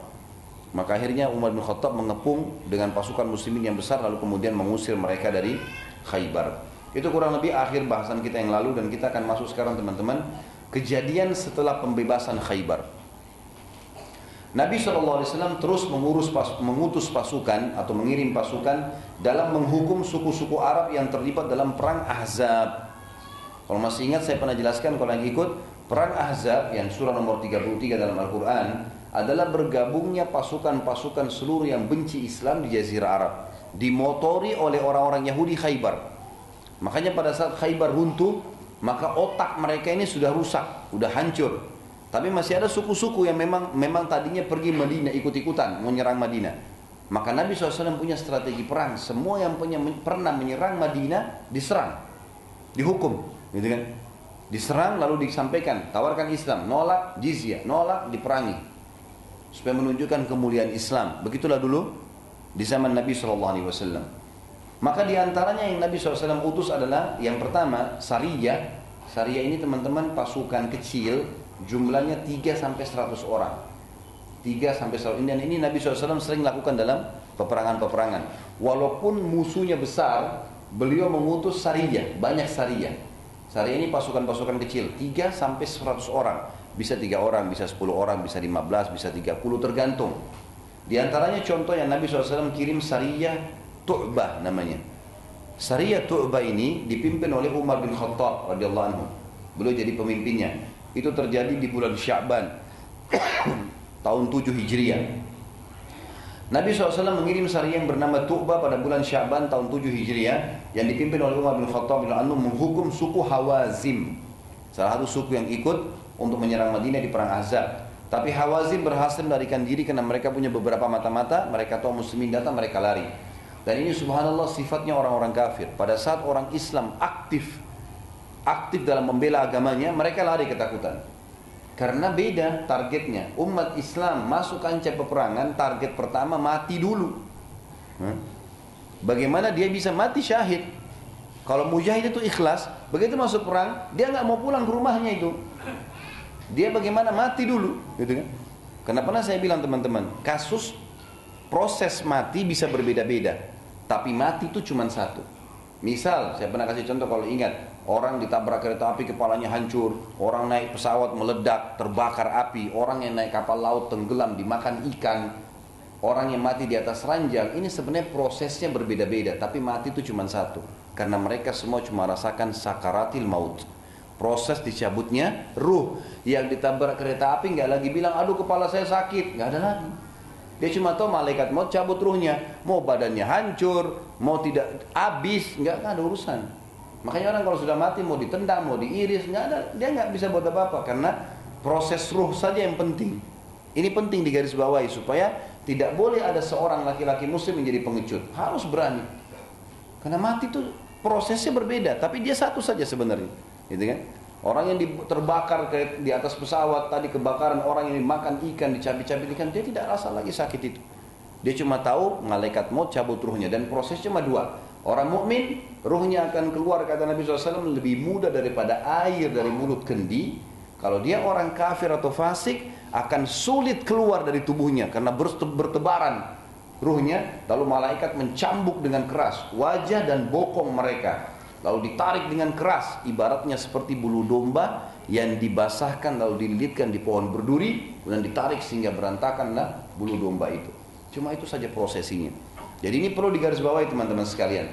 Makanya para sahabat kena paham poin apa yang saya jelaskan ke Bapak Ibu sekarang, mereka nggak pernah takut sama sekali. Dan perbedaan dasar antara pasukan Islam sama pasukan Muslim, walaupun jumlah Muslim sedikit, targetnya mati dulu. Bayangkan orang kalau duel, orang kalau berperang mau mati. Yang dia cari mati. Dia akan menyerang semaksimal mungkin kan gitu.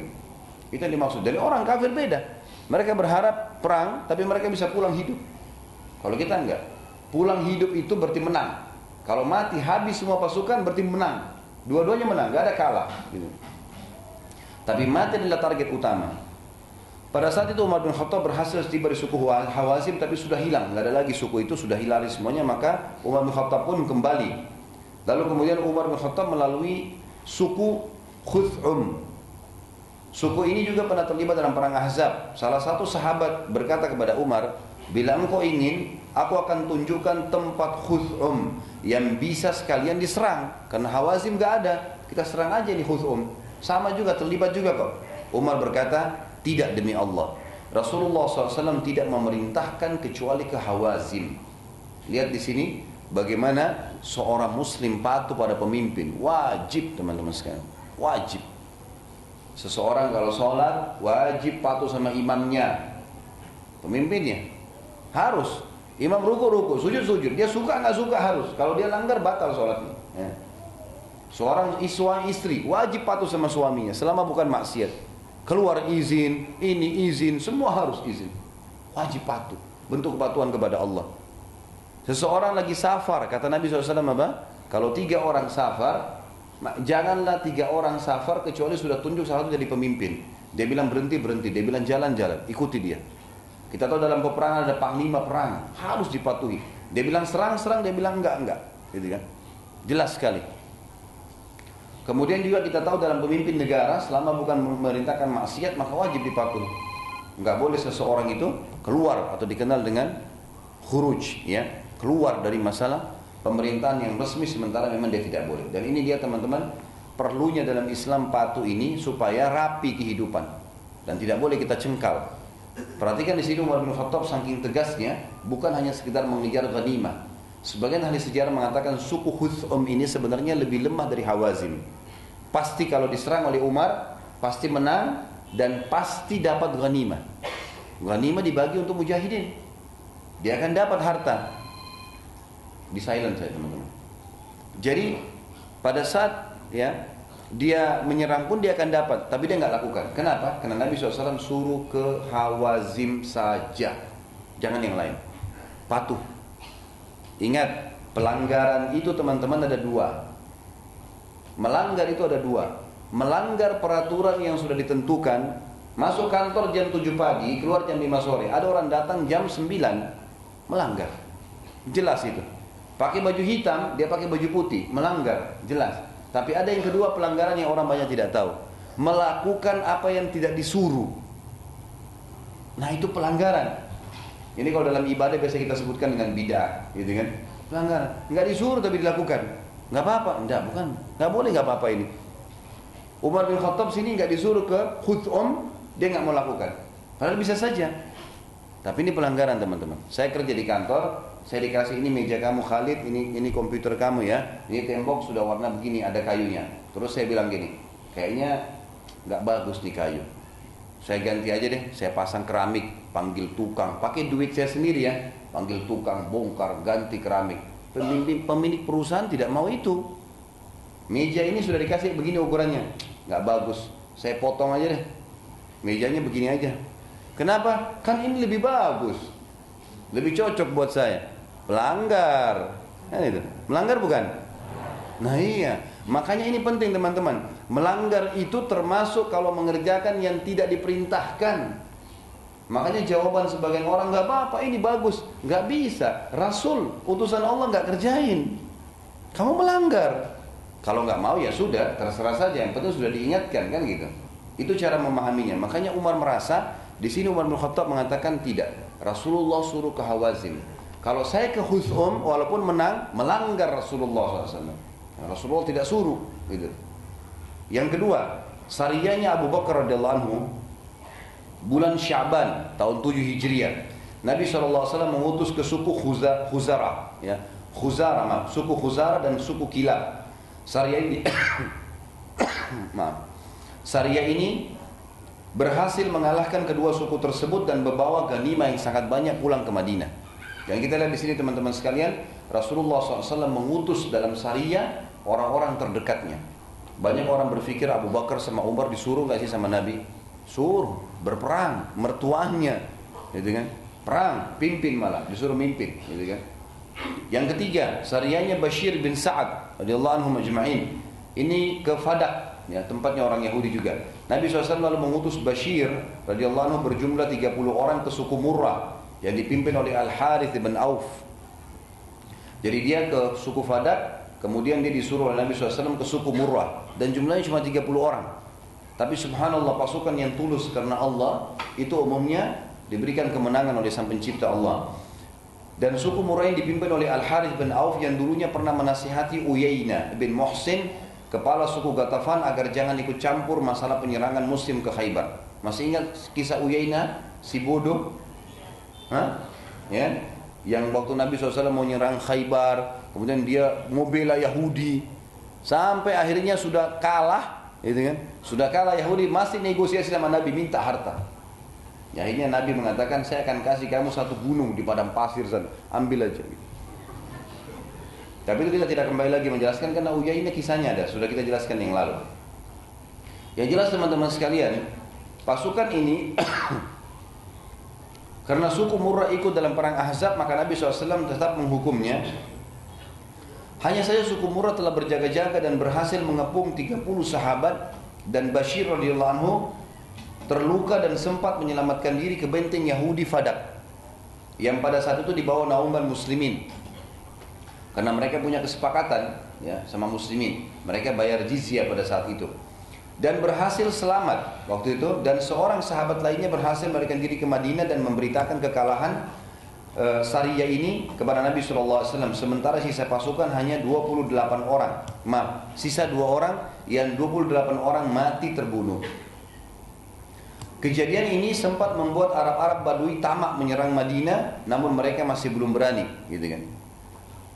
Yang keempat, Sariyah Ghalib bin Laith radhiyallahu anhu Ghalib bin Laith radhiyallahu anhu ini dikirim oleh Nabi SAW di bulan Ramadan, juga masih sama tahun 7 Hijriah.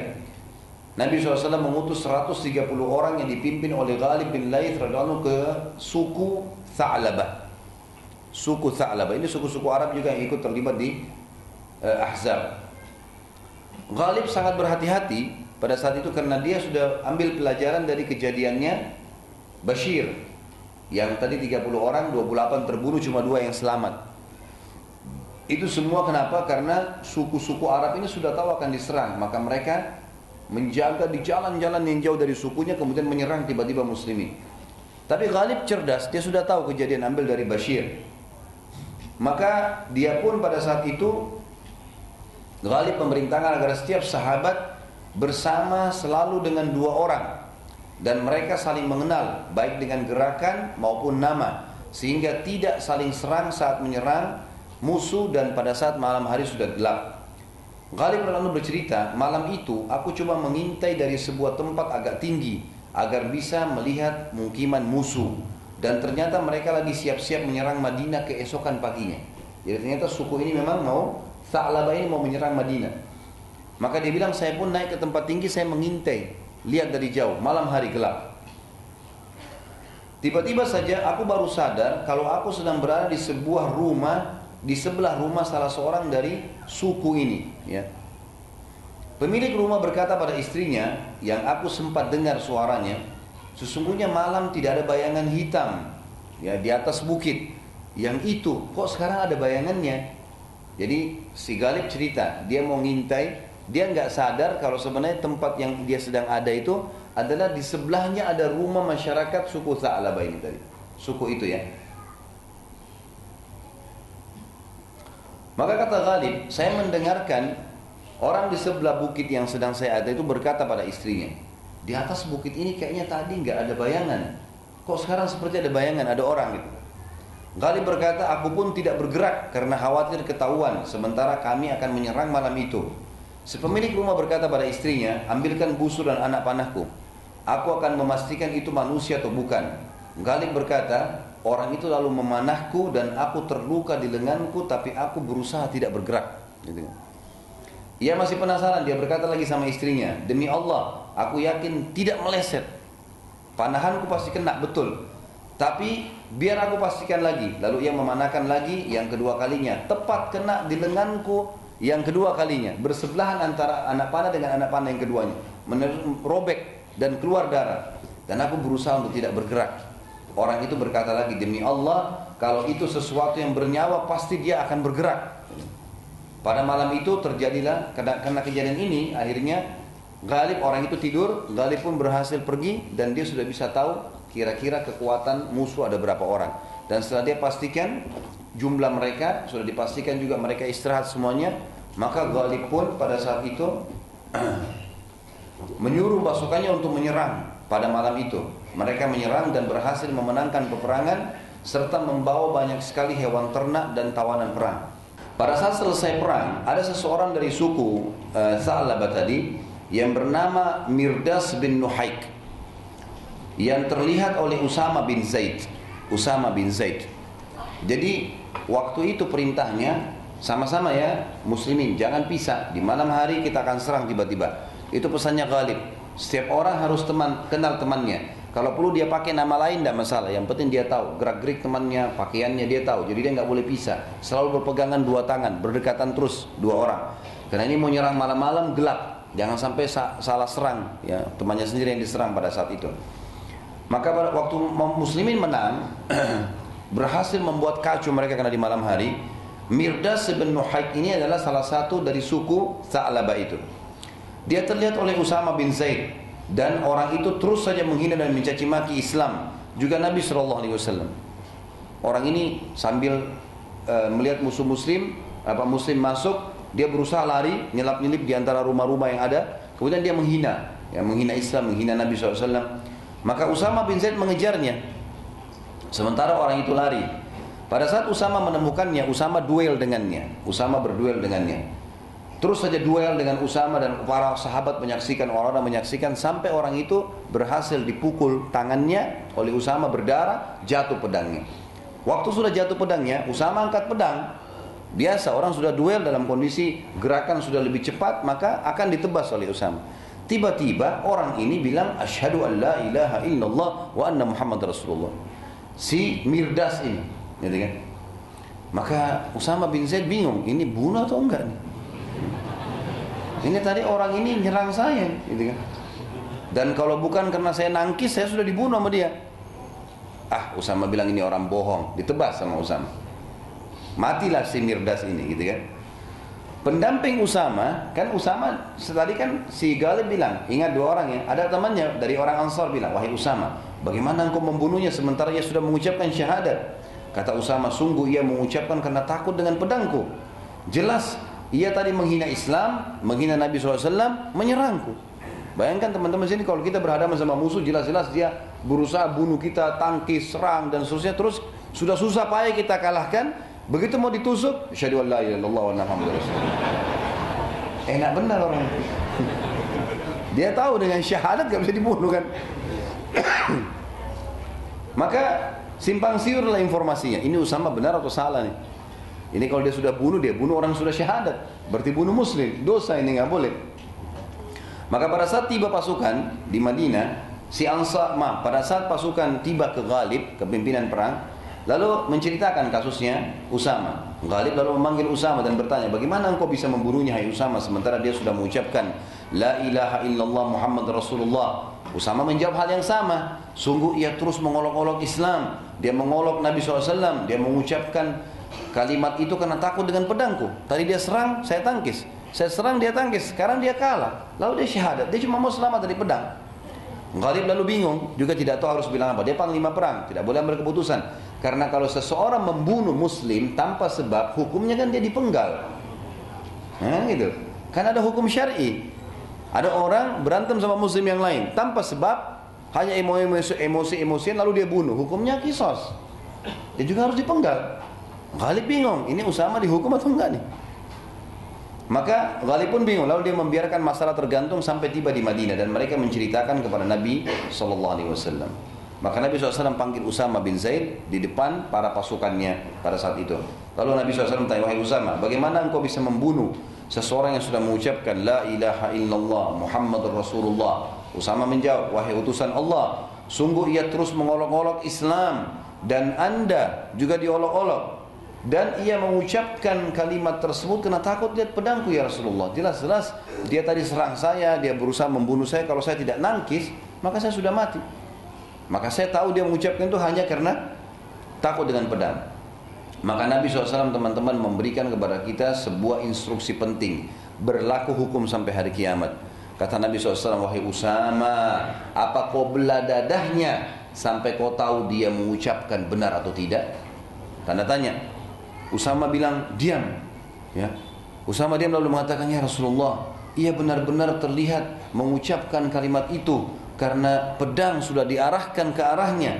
Nabi SAW mengatakan lagi, apakah engkau membelah dadahnya sampai engkau mengetahui bahwasanya dia benar atau tidak? Wahai Usama, di mana kau akan menghindar dari hukuman Allah dengan kalimat La ilaha illallah Muhammadur Rasulullah yang sudah diucapkan sama dia? Kalau Allah tanya kau hari kiamat, dia sudah syahadat, kenapa kau bunuh? Kau akan jawab yang sama, maka Allah akan tanya yang sama. Apa kau sudah belah dadahnya sampai kau tahu? Kata Usama, Nabi SAW terus mengulangi kalimat tersebut. Wahai Usama, apa kau belah dadanya kau tahu dia juta atau tidak? Wahai Usama, apa kau belah dadanya sampai kau tahu dia juta atau tidak? Terus Nabi SAW ulangi. Kata Usama, aku terus ya merasa rasa takut dalam hatiku masuk sampai aku ber, aku memikir aku berpikir dosaku tidak akan dimaafkan pada hari itu dan aku berharap aku bisa masuk ke kuburan dan tidak hidup lagi jadi kena takutnya begini Semenjak kejadian tersebut Usama tidak pernah ikut serta dalam peperangan melawan muslimin. Semenjak kejadian itu tidak pernah karena Usama bin Zaid hidup di zaman Ali bin Abi Thalib waktu terjadi perang dengan Muawiyah dalam Siffin. Juga Usama hidup di zaman peperangan antara Ali bin Abi Thalib dengan pasukan Aisyah, perang Jamal, gitu kan? Tapi Usama bin Zaid tidak pernah mau ikut-ikutan pada saat itu dan setiap kali diajak untuk bergabung maka dia mengatakan, "Aku tidak akan pernah mengangkat pedangku lagi setelah kejadian Mirdas." Berdasarkan syahadat tadi, gitu kan? Dari mana dia tahu ini jujur atau tidak? Berarti teman-teman sekalian hukum zahirnya orang yang itu yang kita nilai. Orang ini mengaku muslim ya sudah. Dia syahadat, dia jujur, enggak bukan urusan kita. Hukumnya hukum yang kelihatan. Ini, bukan yang lain. Berada tugas kita untuk mengorek-ngorek hatinya orang, kita nggak tahu. Orang kasih kita atau kita kasih orang terus kita mau nilai orang ini ikhlas nggak sih? Bukan urusan kita ikhlas. Urusannya Allah sama dia, dia sama Allah. Kita nggak tahu itu. Demikian seorang muslim tidak boleh menyakiti apalagi sampai membunuh saudaranya muslim kecuali dengan hak Islam seperti orang berzina setelah nikah dan kepergok dalam melakukannya. Itu pun yang menghukumnya adalah pemerintah setempat.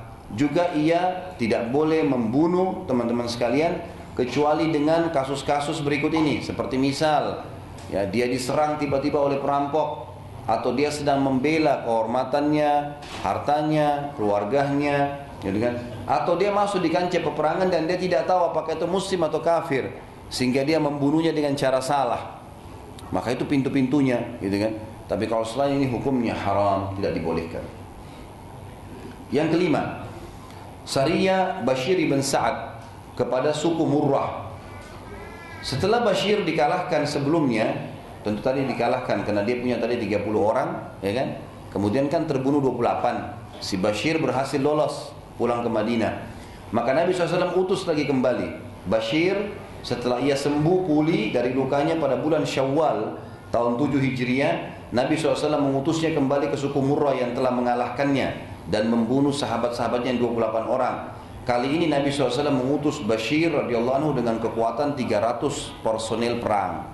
Tadi cuma 30, sekarang 300. Bashir radhiyallahu akhirnya berhasil mengalahkan suku Murrah dan menawan sebagian besar dari mereka dan mendapatkan banyak sekali harta rampasan perang. Melihat kejadian tersebut, kepala suku Murrah yang bernama Harith bin Auf berfikir dan ia akhirnya mendatangi Uyainah, kepala suku Gatafan dan mencoba meyakinkannya bahwa sungguh perkara Muhammad sudah jelas akan menguasai seluruh kepulauan Arab. Baru saja dua bulan dia berhasil, ya, dua bulan baru berhasil kami bunuh 28 orang sahabatnya. Ternyata dia sudah bisa mengutus pasukan lebih besar dan mengalahkan suku kami.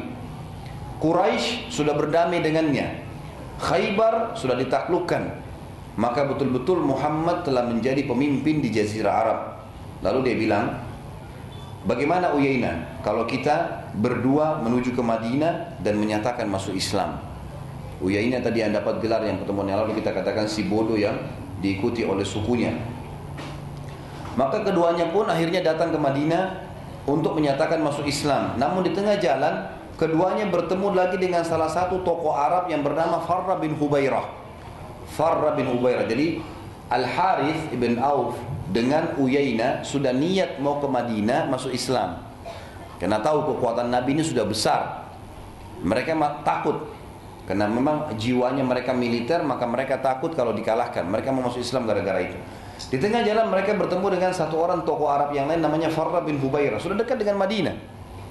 Waktu itu Farra ini menyembah berhala tapi dia lakukan umroh. Yang saya sudah bilang teman-teman, orang-orang Jazirah Arab mengenal Allah ya. Mereka tahu Allah pada saat itu termasuk Quraisy, tapi mereka berbuat kemusyrikan.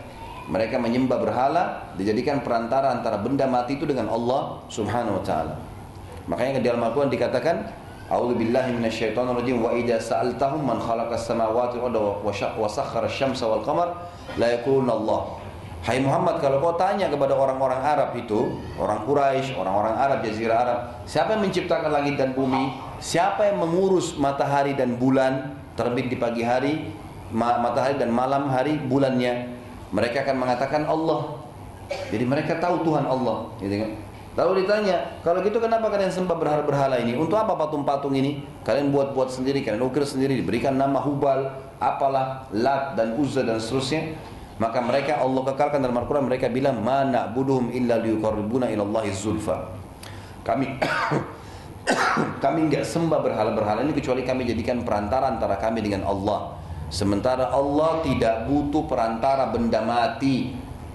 Enggak butuh benda mati. Allah SWT menyuruh kita meminta langsung. Kalau orang masih hidup teman-teman, saleh, hidup, orang tua kita, guru kita kita mengatakan doain saya boleh. orang masih hidup. Tapi orang sudah mati, dia butuh kita, gitu kan? Dia butuh untuk kita doakan. Farah bin Hubairah bertanya kepada keduanya, kepada Al Harith bin Auf dengan kepada Uyainah bin Muhsin. Mau ke mana kalian berdua? Mereka bilang, kami akan masuk Islam dan menjadi pengikutnya Muhammad. Farah berkata, sabar dulu. Aku akan menuju ke Mekah untuk umroh dan melihat keputusan Quraisy. Bila Quraisy siap-siap menyerang Madinah, maka tunggu siapa yang menang. Kalau Muhammad menang, maka kita jadi pengikutnya. Saya juga mau ikut. Hmm. Tapi kalau Muhammad kalah, kita jadi pengikutnya Quraisy. Untuk apa kita jadi pengikutnya Muhammad? Tetap aja kita seperti sekarang, gitu kan? Dan kita tetap menjadi menjadi kepala-kepala suku. Uyainah dan Harith, subhanallah waktu itu, bagaimana syaitan menghadang mereka di tengah jalan, gitu kan? Maka mengatakan pendapat yang baik. Kalau begitu kita tunggu saja. Saat Farah tiba di Mekah dan selesai dari umrohnya,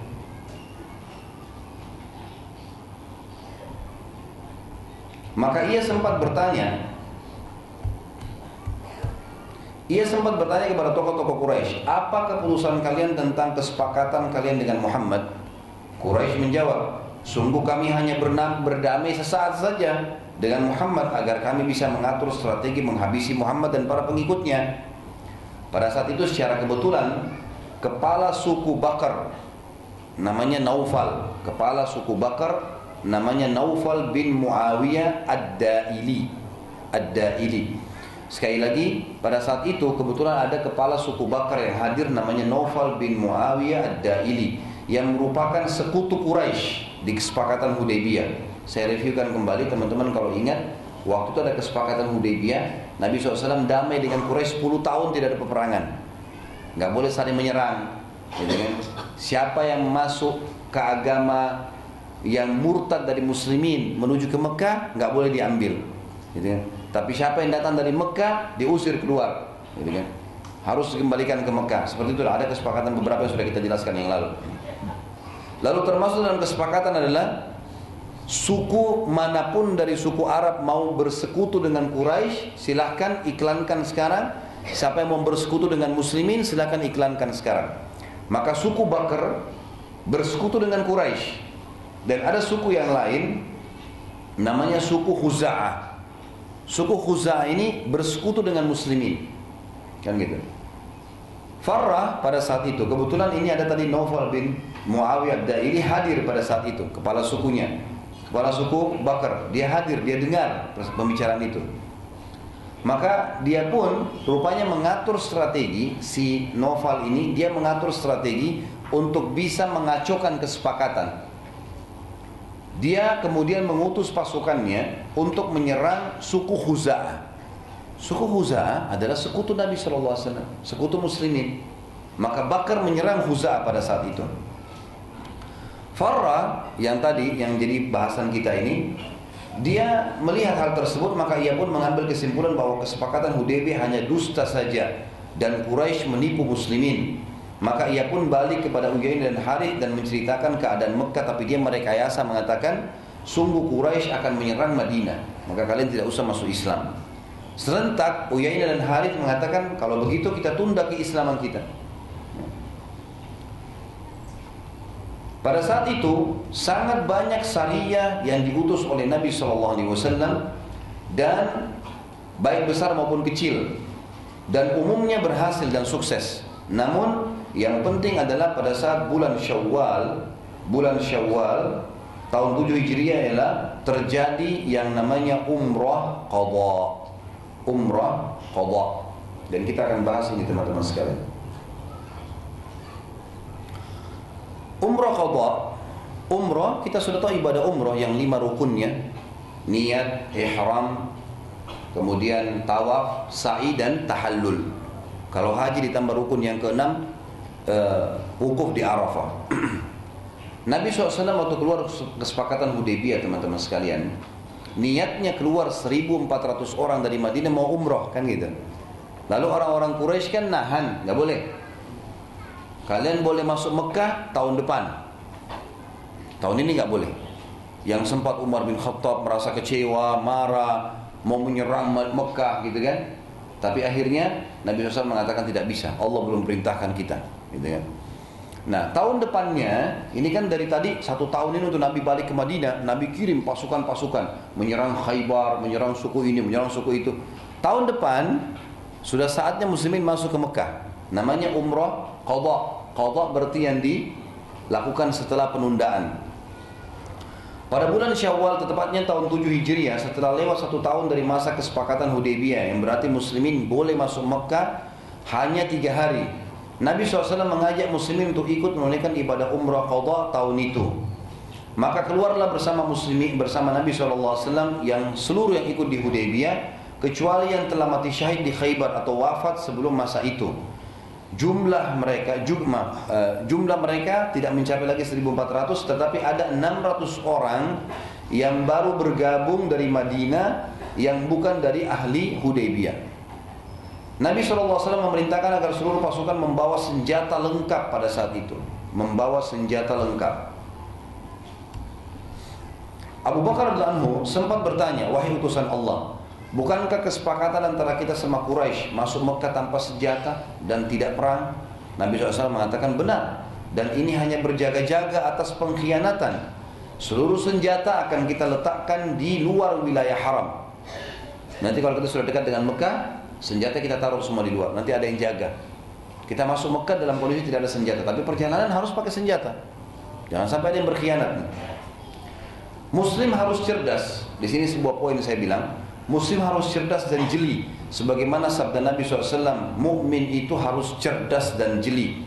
Tidak mungkin kita begitu saja mempercayai musuh dan tetap berjaga-jaga dan berhati-hati. Karena kebanyakan, bukan cuma kebanyakan, hampir semua pengkhianatan yang terjadi selama sejarah muslim sama kafir, itu selalu yang berkhianat orang kafir. Gak pernah muslimnya. Semua dari zaman Nabi SAW sampai hari ini kalau pun ada kesepakatan, Muslim selalu bersangka baik. Sudah sepakat? Ya sudah. Sama dengan teman-teman kerjasama bisnis di perusahaan atau berteman. Kita sering kali jujur, sudahlah, sudah tahu gitu. Umumlah, percaya. Kalau mereka enggak. Maka sebuah pelajaran penting dari kejadian di sini, Nabi SAW memberikan pelajaran kita tidak boleh percaya 100% pada musuh dan harus berjaga-jaga. Tetap kita di atas kesepakatan tapi berjaga-jaga. Saat muslimin tiba dan akan memasuki wilayah haram, Quraisy melihat muslimin pakai senjata. Maka mereka bertanya kepada Nabi SAW, Wahai Muhammad, bukankah kesepakatan antara kita masuk Mekah tanpa senjata dan tanpa perang? Lalu kenapa kau membawa senjata? Kata Nabi SAW, kami tetap dalam kesepakatan kami. Semua senjata kami akan kami letakkan di luar wilayah haram. Seluruh senjata muslimin dijaga oleh 200 orang sahabat yang akan bergantian menunaikan ibadah umrah dan mereka setiap saat bisa memasuki Mekah dan membagikan senjata kepada muslimin kalau orang Mekah berkhianat. Jadi rupanya dari seribu dari dari kurang lebih hampir 2000 orang sahabat yang pergi umrah bersama Nabi SAW itu 200 jaga senjata di luar wilayah haram selebihnya masuk ke Mekah. Kalau terjadi pengkhianatan di Mekah maka 200 ini siap membawa senjata bagiin ke teman-temannya. Seperti itulah Quraisy saat itu berharap permasalahan umroh muslimin segera selesai dan tidak tidak perlu berita umroh mereka tersebar ke kepulauan Arab karena sahabat sudah masuk dan perlu teman-teman tahu juga ya waktu kita dibahas masalah kesepakatan Hudaybiyah Quraisy berusaha menjaga muslimin pada saat itu agar jangan masuk wilayah haram. Kenapa? Karena kalau sudah masuk wilayah haram, orang Quraisy juga tahu tidak boleh membunuh orang yang berihram. Mereka pun yakin itu. Dan aib besar di Jazirah Arab kalau orang sedang haji atau umrah lalu diserang. Memalukan sekali. Makanya Quraisy tidak berani. Dan Nabi SAW di sini mengatakan kita masuk haram tapi tanpa senjata. senjata taruh di luar, tapi senjata dijaga 200 orang. Seperti itulah. Makanya orang-orang Quraisy ini juga setuju akhirnya. Karena masuk wilayah haram tidak pakai senjata. Abu Sufyan pada saat itu, pemimpin Quraisy memerintahkan agar seluruh penduduk Mekah keluar dari Mekah dan ia menyuruh agar disebarkan berita bahwa muslimin dari Madinah menderita penyakit kuning yang menular ya. mendengar berita tersebut maka hampir seluruh masyarakat Mekah keluar dari kota Mekah karena takut terjangkit penyakit muslimin Berarti ini strateginya saja Abu Sufyan karena dia waktu bilang, ayo keluar dari Mekah, biarkan muslimin saja yang di Mekah gitu. Supaya jangan ada interaksi, jangan ada orang yang baru masuk Islam. Tapi rupanya orang-orang Mekah banyak nggak mau keluar. Ini kan dari Madinah juga banyak kerabat mereka, gitu kan? Mereka juga mau transaksi, mau jual barang. Maka Abu Sufyan sebarin berita, nih yang datang sekarang hampir 2000 orang semua berpenyakitan, menular. Kalau kalian mau tinggal silakan, kena penyakit, gitu kan? Akhirnya mereka keluar. Akhirnya mereka keluar. Mendengar berita tersebut, maka hampir ya seluruh Mekah keluar dan mereka naik di atas atas bukit yang tinggal di Mekah hanya sebagian tokoh-tokohnya seperti Ikrimah bin Abu Jahal, Safwan bin Muawiyah dan yang lainnya. Muslimin saat memasuki Mekah heran melihat tidak ada orang. Maka mereka pun memasuki Mekah dalam keadaan aman, mereka bertakbir, mereka bertahlil, mereka tawaf, serta menyelesaikan umroh mereka dengan rasa aman memang. Karena memang tidak ada manusia pada saat itu, cuma ada dua tiga orang saja di Mekah. Nabi SAW sudah tujuh tahun tidak memasuki Mekah pada saat itu setelah hijrah ke Madinah. Dan beliau SAW sangat gembira. Apalagi melihat masuk dengan muslimin. Mereka terus saja bersyukur pada Allah yang maha mulia pada saat itu. Mereka bersyukur kepada Allah subhanahu wa ta'ala pada saat itu. Nabi SAW sudah tujuh tahun tidak memasuki Mekah maka beliau pun SAW sangat gembira dengan muslimin dan bersyukur kepada Allah subhanahu wa ta'ala Nabi SAW mendengar bahwa terdapat isu tidak benar kalau muslimin kena penyakit kuning yang menyebarkan, ya penyakit kulit yang berwarna kuning yang mematikan. Maka beliau bersabda memerintahkan eh, kepada para sahabat mengatakan Allah akan merahmati siapa pun yang menunjukkan kekuatannya pada hari ini. Jadi perlu teman-teman tahu ya, penyakit kuning itu eh, membuat orang kulitnya rusak, badannya lemah, memang menular. Seperti itulah zaman itu ya. Sekarang bagaimana caranya agar bisa muslimin menunjukkan isu itu tidak benar? Kalau ngomong mungkin orang tidak percaya, apalagi orang-orang sudah banyak keluar. Tapi perlu diketahui, masyarakat Mekah waktu itu mereka tinggal di sekitar gunung-gunung. Karena mereka sambil lihat rumahnya, mereka sambil lihat usahanya, tokonya ditutup selama tiga hari kan gitu. Mereka sambil lihat, bagaimana caranya supaya muslimin bisa membantah isu itu. Nabi SAW mengatakan kepada para sahabat waktu mereka mau tawaf, semoga Allah merahmati siapa pun yang menunjukkan kekuatannya hari ini. Bagaimana caranya kata para sahabat ya Rasulullah? Kata Nabi SAW, perlihatkan pundak kanan kalian. Hmm. Perlihatkan pundak kanan. Makanya orang kalau umroh kan laki-lakinya lipat, ya, lengan kanannya kelihatan kan gitu. Sambil tawaf. Dan Sunnahnya harwala. Harwala itu berlari kecil. Jadi seperti orang lagi olahraga gitu ya. Sambil lengan, lihatkan lengannya. Semua sahabat begitu. Hampir 2000 orang. Gitu kan. Semua lakukan itu. Maka orang-orang Mekah tuh lihat dari jauh, kayaknya mustahil orang-orang ini lagi sakit nih. Masa orang sakit begitu? Kayak orang olahraga, tangannya kelihatan kayak berlari kecil gitu kan. Maka dengan perilaku ini, orang-orang Quraisy pun mengetahui ini cuma strateginya Abu Sufyan. Ya. Akhirnya Allah bongkar sendiri kedoknya dia. Saat sedang tawaf, sahabat mulia namanya Abdullah bin Rawaha radhiyallahu anhu melantunkan syair yang masyhur. Dia mengatakan begini. Khallu bainal kuf khallu banil kuffari an sabili. Artinya, biarkan orang-orang kafir menentukan jalan hidupnya. Dan ini syair teman-teman, kalau zaman dulu kalau sudah diucapkan itu menjadi menjadi rebutan orang menghafal. Karena kayak sesuatu media. Kalau kita sekarang media isu yang baik gitu loh.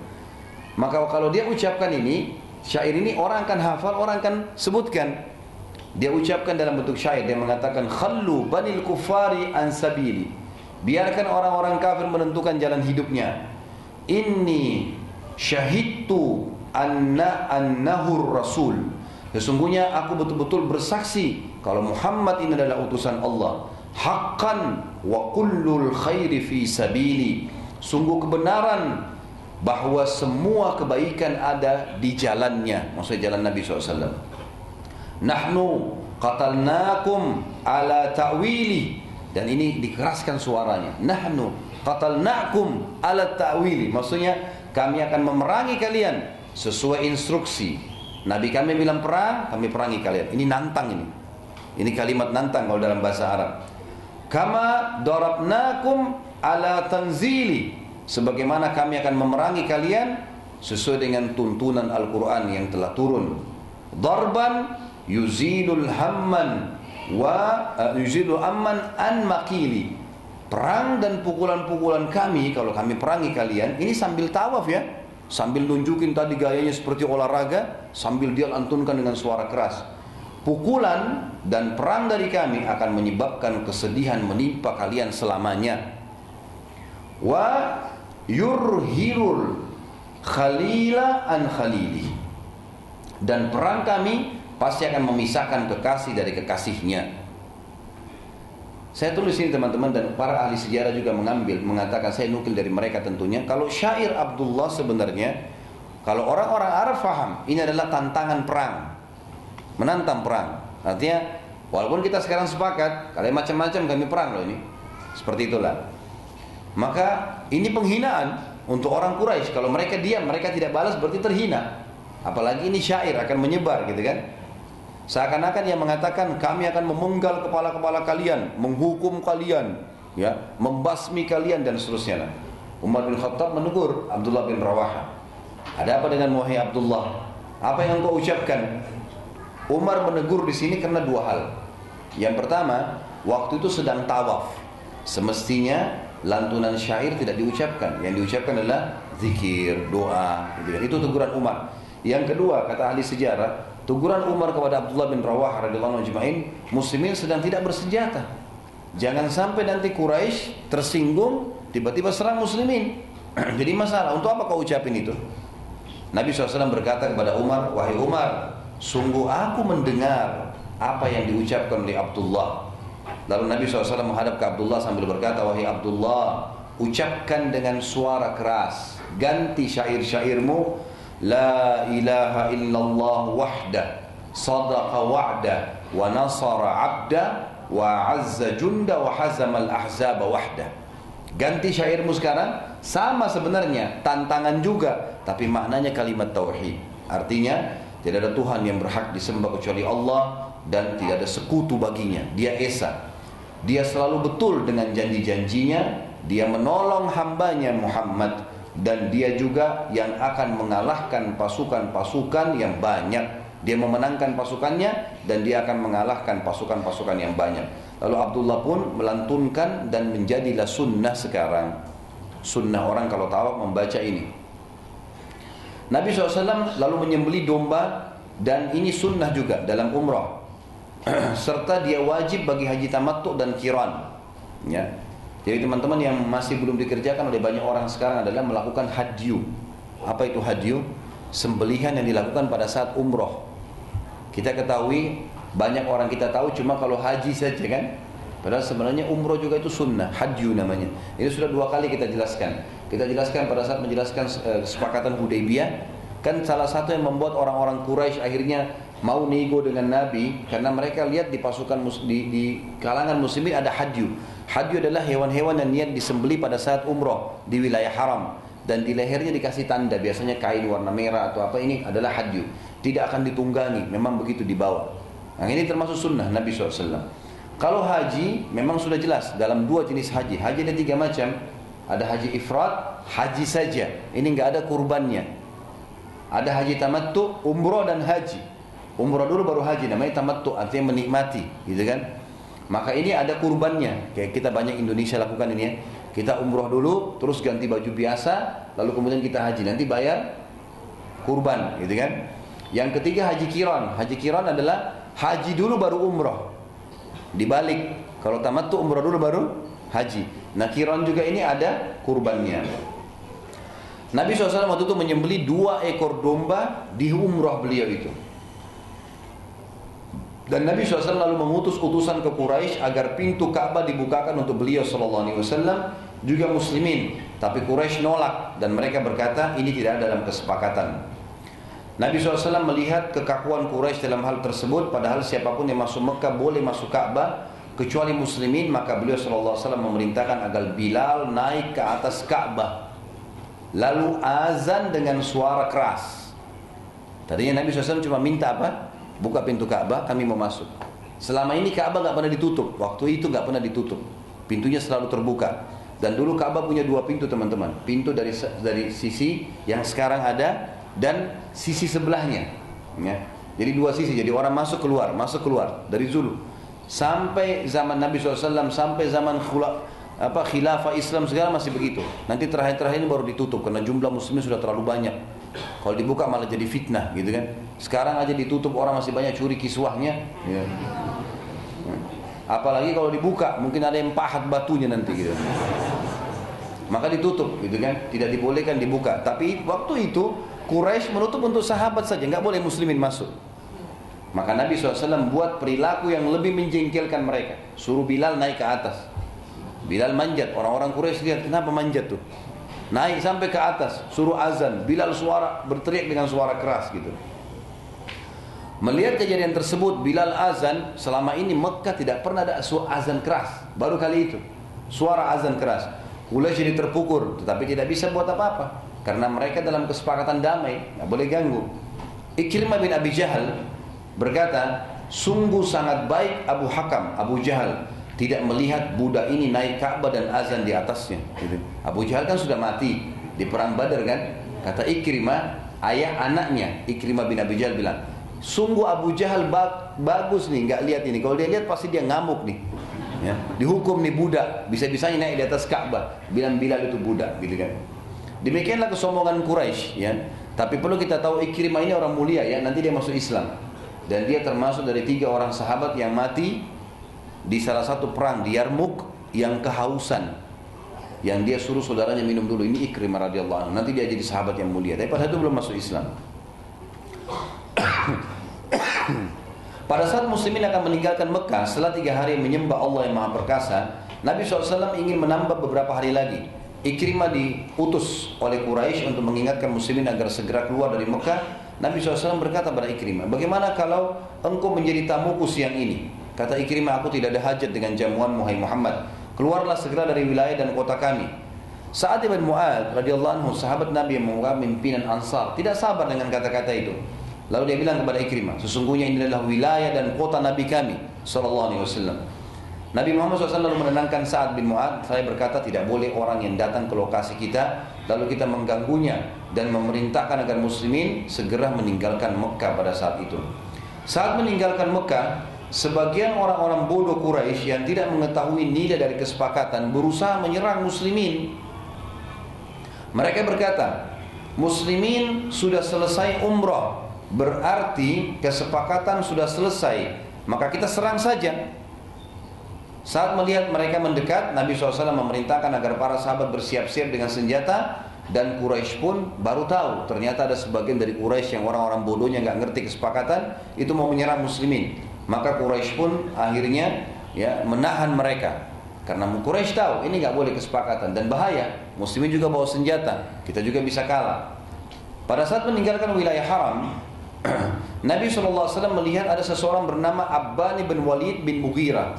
Baru saja masuk Islam. Namanya Abban bin Walid bin Mughirah. Yang baru saja masuk Islam.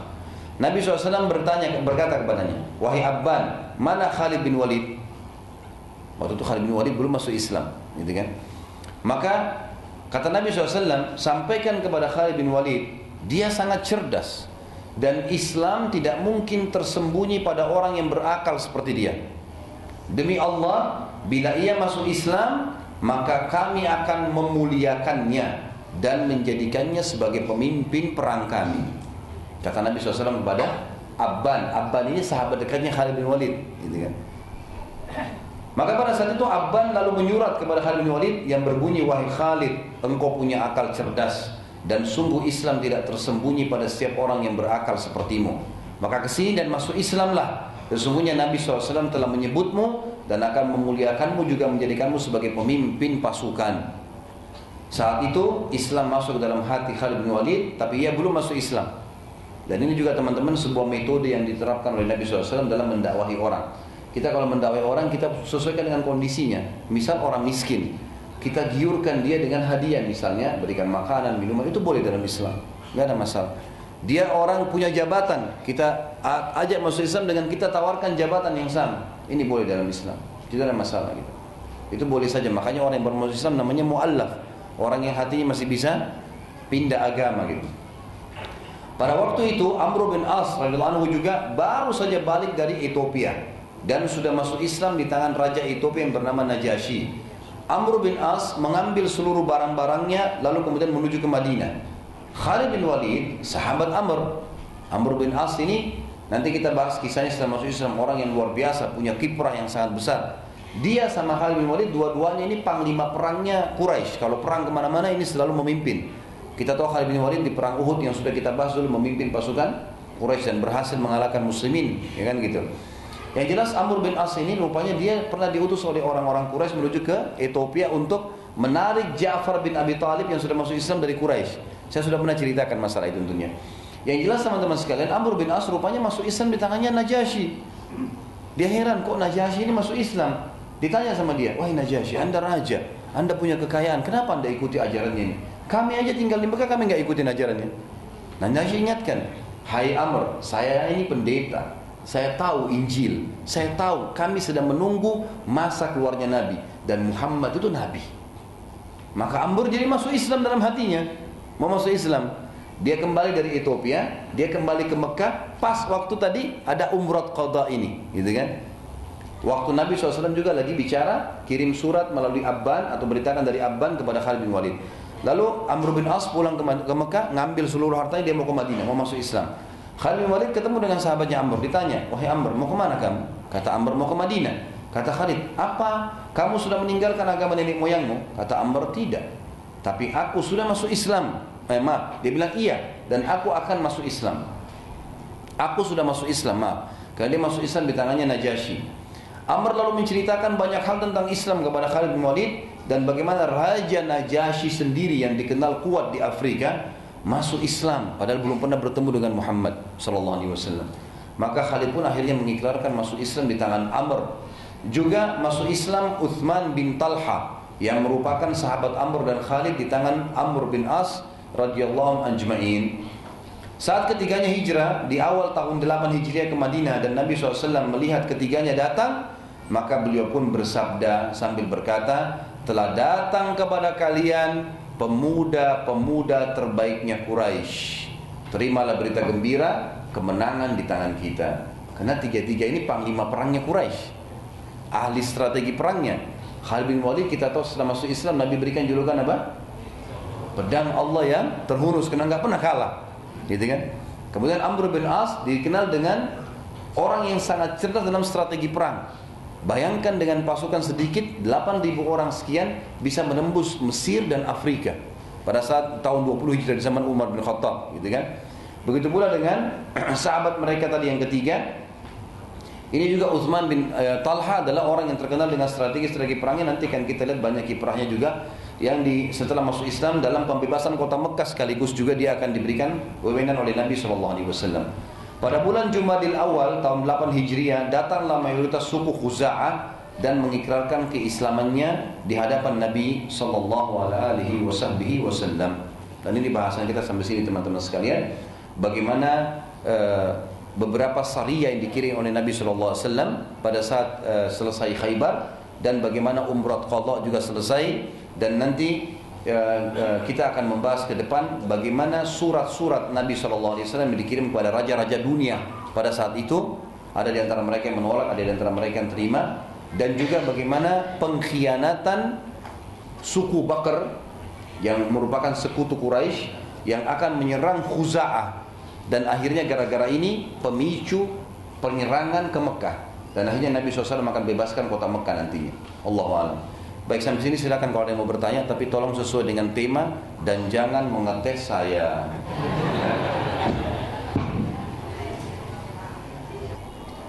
Tadi disebutkan bahwa kaum Yahudi itu adalah kaum yang buruk akhlak, suka berbohong dan lain-lain dan sifat ini sampai akhir dunia tetap ada. Akan tapi dalam surah Al-Baqarah uh, ayat berapa nih? 47 disebutkan bahwa Allah memberi nikmat dan melebihkan mereka Bani Israel atas segala umat. Pertanyaannya apa kelebihan mereka? Seperti yang disebutkan Al-Quran. Bedakan antara Bani Israel secara global dengan Yahudi. Ya, Beda ini teman-teman sekalian. Bani Israel, Bani adalah artinya keturunan. Israel nama lainnya Nabi Yakub. Berarti global. Pengikut Nabi Musa dan pengikut Nabi Isa nama sama-sama namanya Bani Israel. Ya gitu. Nabi-nabi sebelum Nabi Musa pun seperti misalnya Nabi yang Yusuf ya. Ada anaknya Nabi Yakub. Itu semua adalah nabi-nabi yang mulia. Dan nabi-nabi Bani Israel nabi-nabi yang mulia. Orang-orang Bani Israel yang beriman pada Allah dan Rasulnya mulia. Kan gitu. Yang kita sedang bahas adalah Yahudinya. Siapa Yahudi? Orang-orang yang menisbatkan diri menjadi pengikut Musa dan menolak beriman kepada risalah selain Musa. Itu namanya Yahudi. Jadi beda. Segelintir orang dari Bani Israel. Segelintir orang dari Bani Israel. Emang begitu teman-teman sekalian. Jadi jangan dipahami global ya.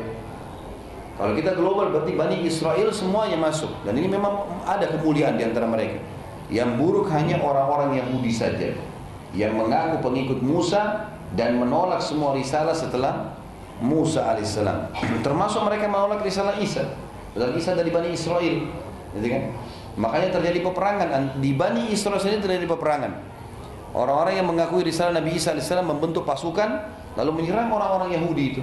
Dari Bani Israel sesama Bani Israel diperangi. Karena mereka menolak risalah setelah Musa alaihissalam. Berkaitan dengan hukum zina orang yang sudah menikah, kalau perempuan itu sudah menikah dengan laki-laki tersebut belum menikah, apa ini? Menghasilkan anak dari zina, anak perempuan, bagaimana nasib anak itu? Apa hubungannya sama tema ini? Hah?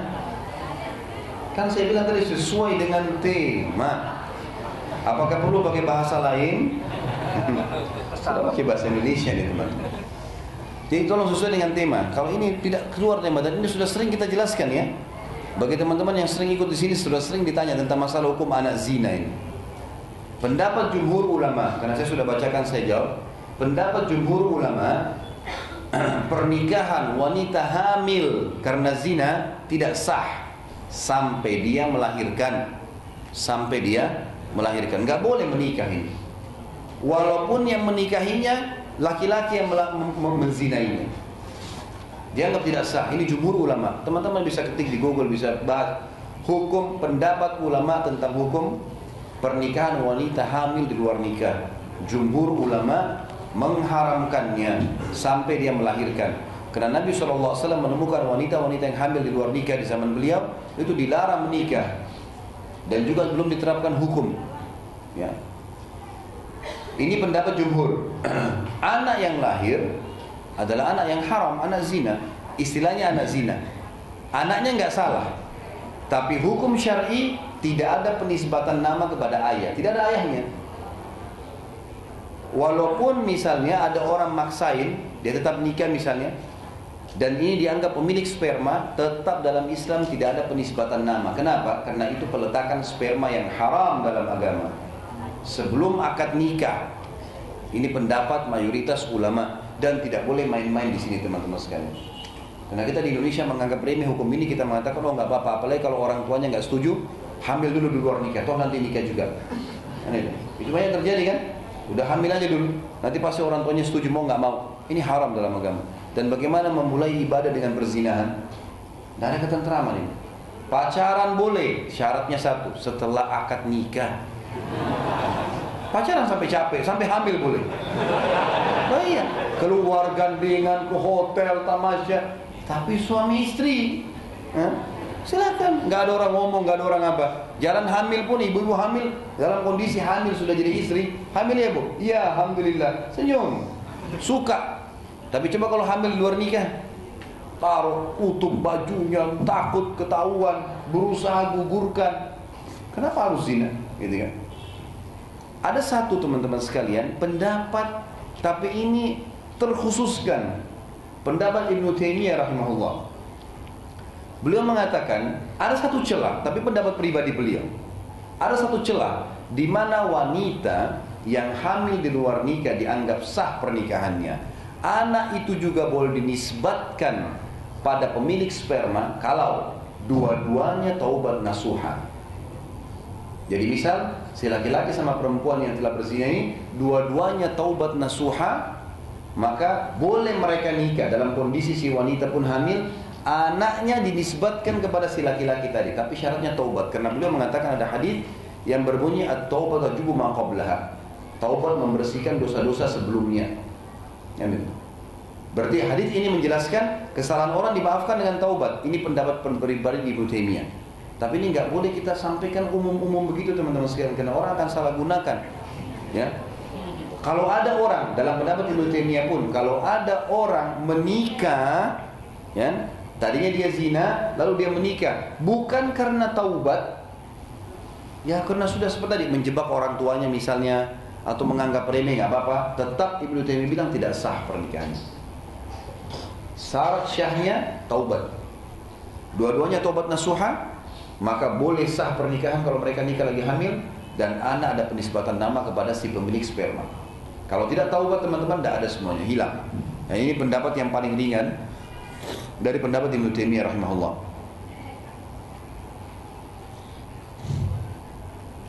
Bagaimana jika sekarang di zaman sekarang ada kaum yang menawarkan Islam ke negeri kafir, lalu kafir itu nolak dan kemudian diperangi. Apakah hal itu benar Ustaz? Benar. Kalau ada, tapi pemimpin muslim loh.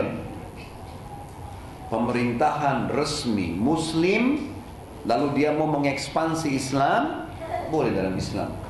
Karena saya pernah bilang, jihad ada dua macam. Ada jihad mempertahankan diri, ada jihad ekspansi. Beda. Memang dua ini. Jihad pertahankan diri misal pada saat Madinah diserang. Ini contoh di zaman Nabi SAW. Diserang, gitu kan, Madinah. Maka waktu perang Ahzab, Nabi SAW bertahan di Madinah sampai menang. Jihad ekspansi adalah serangan-serangan Nabi ke Khaybar, ya, serangan Nabi ke Mekah nanti kita akan pelajari ke depannya, serangan eh, serangan Abu Bakar dan Umar ke negeri Syam, ke negeri Persia, ke Mesir, ke Afrika, ekspansi namanya. Jadi boleh saja, asal memang pemerintah resmi dan dia lihat maslahatnya. Ini wilayah harus ditawarkan Islam, gitu kan? Memang itu dalam agama kita ada. Dan itu bukan kalau ada yang bilang kalau begitu Ustaz berarti orang bilang Islam disebarkan dengan kekuatan. Emang ada disebarkan dengan kekuatan. Ada saatnya dengan dakwah, ada saatnya dengan kekuatan. Dan Nabi SAW contohkan itu. Nanti kita lihat teman-teman ekspansi yang kita sudah jelaskan ekspansi ke Khaybar, ya Waktu Khaybar ditaklukkan dengan kekuatan bukan? Kekuatan. Nanti kita lihat ke depannya Mekah dengan kekuatan loh. Nabi SAW bentuk pasukan serang Mekah, kepung. Masuk Islam, kalau nggak mau jizya, kalau nggak mau perang. Memang begitu penawarannya. Dan dalam rentetan sejarah Khulafa Rashidin, rentetan para khalifah-khalifah Islam memang begitu. Termasuk runtuhnya Bizantium runtuhnya Konstantinopel di tahun 1453 di zaman uh, Sultan Murad, Muhammad Murad, itu kan, yang dikenal dengan Muhammad Al-Fatih. Itu apa itu? Ekspansi itu. Ya kan? Dari Turki wilayah Asia menuju ke Turki wilayah Eropa. Karena Nabi SAW mengatakan kalian akan membebaskan Konstantinopel. Artinya selalu serang ke Konstantinopel sampai mereka tembus masuk Islam. Dan nanti Allah akan berikan kemenangan. Salah satu yang antara pasti akan lolos menembusnya. Dan ketahuilah, yang akan tembus nanti sebaik-baik pemimpin, pemimpinnya pada saat itu, sebaik-baik pasukan, pasukannya pada saat itu. Itu di zamannya Muhammad bin, bin Murad rahimahullah yang dikenal dengan Sultan Muhammad Al-Fatih tahun 1453. Jihad ekspansi itu. Karena dia taklukkan wilayah Bizantium hanya masuk Islam mayoritasnya. Nah, wilayah Samra, Samra itu wilayah belakang sekali Rusia. Itu juga masuk Islam dengan ekspansi. Indonesia masuk Islam dengan dakwah, dengan bisnis, dengan akhlak, tapi ada wilayah masuk dengan kekuatan militer. Memang begitu. Dan itu bukan bukan aib. Kenapa harus kita tutupin? Dan itu bukan sesuatu yang salah, apalagi dengan adab dan tata kerama, jihad yang mulia. Ya kan? Tawarkan Islam dulu. Kasih waktu berapa hari mereka berpikir, kirim para ulama-ulama dan dai yang faham ke mereka jelaskan Islam. Mereka nolak bayar jizyah. Allah mengatakan hatta yu'tul jizyah ayani wa hum sagirun. Mereka harus bayar jizya kalau mereka nolak Islam dalam kondisi mereka terhina. Ini kata Allah karena agama Allah yang sedang kita sebarkan. Orang yang ragu dengan ini teman-teman masih ragu dengan kebenaran agamanya Islam. Kita harus tahu ini kebenaran dan harus disebarkan. Kalau mereka nolak terjadi peperangan dan ingat peperangan apa? Gak boleh bunuh orang menyerah, gak boleh bunuh wanita, gak boleh bunuh laki, anak kecil, ya, gak boleh bunuh, gak boleh bunuh hewan-hewan, gak boleh rusak fasilitas umum, gak boleh membakar, ya, nggak boleh rusak tempat ibadah, nggak boleh ada adatnya. Jadi kita nyerang, mereka kalah, clear, selesai. Dan perlu digarisbawahi, kalau umat Islam sudah menguasai satu lokasi teman-teman, konsep setelah menguasai beda dengan pada saat ekspansi. Ekspansi itu konsepnya tawarkan Islam, kalau mereka nolak jizya, kalau mereka nolak perang. Tapi setelah kita menang, konsepnya berbeda, bukan lagi itu. Bukan lagi kamu harus masuk Islam kalau enggak saya bunuh, enggak. Konsepnya la ikraha fid din. Enggak ada paksaan dalam Islam. Setelah kita menang, hukum Islam diterapkan, silakan hidup dengan agama Anda masing-masing. Itu yang terjadi. Di zaman Umar bin Khattab, waktu tembus Palestina, negeri Syam, orang-orang yang tetap mau dalam agama Kristen dibiarkan. Enggak ada masalah. Tapi hukum, hukum Islam yang berlaku. Di bawah naungan pemerintah Islam. Waktu Sultan Muhammad Fatih tembus Konstantinopel, gereja dibiarkan. Orang Kristen Ortodoks itu dibiarkan, tidak masalah. Silahkan. Tidak ada paksaan lagi, tapi Islam sudah berkuasa. Agama Allah mulia. Itu konsepnya. Jelas ya? Jadi jangan nilai negatifnya. Ada positif di situ. Karena memang agama Islam benar harus disebarkan. Sering kali kita baca dalam sejarah bahwa masa Khalifah Fatimiyah juga diklaim sebagai kemenangan Muslim. Sedangkan menurut sejarah yang sering kita baca, Khalifah Fatimiyah disebut Syiah. Apakah memang demikian atau pengertiannya salah? Tidak ada kemenangan di zaman Fatimiyah. Tidak ada kemenangan di zaman Fatimiyah yang ada kerusakan teman-teman sekalian. Kalau ada buku-buku sejarah yang mengatakan ini perlu dipertanyakan buku sejarahnya. Di zaman Fatimiyah yang ada kerusakan terjadi dan mereka memaksakan pemahaman-pemahaman syiahnya kepada ahli sunnah wal jamaah pada saat itu. Sampai banyak di antara khalifah mereka yang memaksa muslimin untuk berubah jam kerja. Siang mereka liburkan, malam mereka disuruh paksa kerja. Dan banyak hal, kalau kita baca tentang Fatimiyah di buku-buku sejarah yang benar, kita akan temukan banyak kerusakan. Sampai terakhir dengan hikmah Allah, akan diserang oleh kekuatan salib pada saat itu dan Nuruddin Az-Zinqi rahimahullah salah satu gubernurnya Khilafah Abbasiyah mengutus pasukan terbaiknya dengan panglima terbaik yang dikenal dengan Salahuddin Al-Ayyub. Itu adalah panglima perang yang Nuruddin Zinti yang merupakan gubernur di salah satu wilayah di Irak dari kalangan Abbasiyah. Lalu kemudian dia datang ke sana, dia membendung Mesir dari serangan uh, apa namanya pasukan salib dan berhasil menang. Kemudian dia menolong ahli sunnah wal jamaah yang ada pada saat itu di situ. Itu pun orang-orang Syiah dibiarkan pada saat itu. Oleh Salahuddin tidak dibunuh dibiarkan tapi mereka sudah tidak memimpin lagi. Seperti sekarang di negara-negara ahli sunnah wal jamaah kalau ada orang syiah dibiarkan. Asal mereka tidak merusak gitu kan. Kayak di Indonesia, kayak di beberapa negara kecuali mungkin sekarang di Malaysia sudah dilarang gitu kan. Tapi negara-negara lain tidak. Di Saudi masih ada orang syiah gitu kan. Tapi kalau mereka sudah mulai mengiklankan caci maki sahabat, katakan Quran kurang, terang-terangan itu dihukum. Nggak bisa. Kalau mereka masih mau tinggal, tidak mau buat masalah itu hak mereka dengan keyakinannya. Karena begitu dalam Islam, gitu kan? Seperti itulah Allah alam. Jadi salah pemahaman kalau mengatakan di zaman Fatimiyah itu ada ada kiprah-kiprah Islam di situ. Bahkan Salahuddin Ayub itu di tahun-tahun pertama setelah menguasai Mesir banyak sekali mengubah perilaku-perilaku orang-orang Fatimiyah. Banyak sekali diubah yang itu, diperbaiki.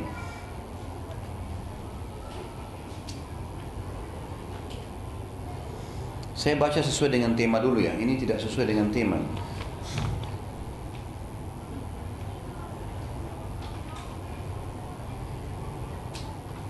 Tadi disinggung mengenai kafara. Kafara nadar. Apakah dengan membayar kafara nadar seseorang sebelumnya sudah menjadi batal? Saya nggak pernah singgung masalah nadar tadi. Benar nggak? Yang saya singgung tadi adalah kafara orang yang berhubungan badan di siang hari Ramadan saya masih ingat loh. Saya juga tadi singgung masalah orang yang sumpah. Ini kan. Kalau nazar kita belum bahas. Tapi karena ditanya saya coba kasih gambaran. Nazar teman-teman hukumnya makruh dalam Islam. Makruh. Bahkan sebagian ulama melarangnya. Kenapa? Karena nazar itu banyak sekali. Hadis-hadis yang menyebutkan kalau teman-teman ikuti kajian saya di YouTube ada kajian bulughul maram tentang bab khusus masalah nazar. Banyak hadis yang melarang Nabi SAW melarang masalah nazar. Tapi larangnya ini larangan ikrah, makruh. Larangannya larangan ikrah karena tidak ada ancaman. Dari mana kita tahu teman-teman ini haram atau ini makruh?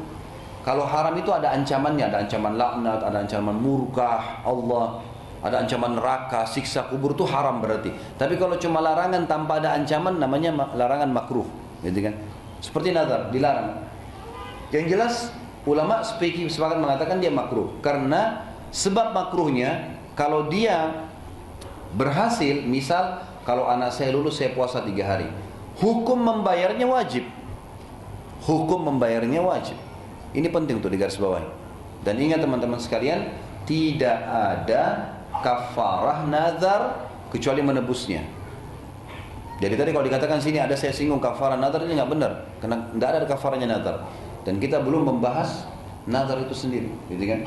Jadi nggak ada kafarah, tapi dibayar sesuai dengan yang dinadarkan. Misal antum tadi niatkan kalau saya sembuh saya puasa tiga hari, harus puasa tiga hari, nggak bisa dibayar dengan kafarah dia. Nggak ada kafarahnya di situ. Ini apa hubungannya siro dengan BPJS? Tidak nyambung. Kalau nanti bahas masalah fikih, nah tanya masalah fikih, ini masalah sejarah. Kalau tidak punya pertanyaan, tidak usah bertanya. Udah kita bubar, bawa pulang ilmu perang aja tadi. Kasus Usama tadi membunuh Mirdas, kenapa tidak dikisos atau dipenggal kepalanya padahal dia sudah bersyahadat? Tentu saja karena Usama belum tahu hukumnya dan pada saat itu baru keluar hukum tentang masalah tidak bolehnya membunuh orang di kancah peperangan kalau syahadat. Seperti itulah dan itu keputusan di tangan Nabi Shallallahu Alaihi Wasallam.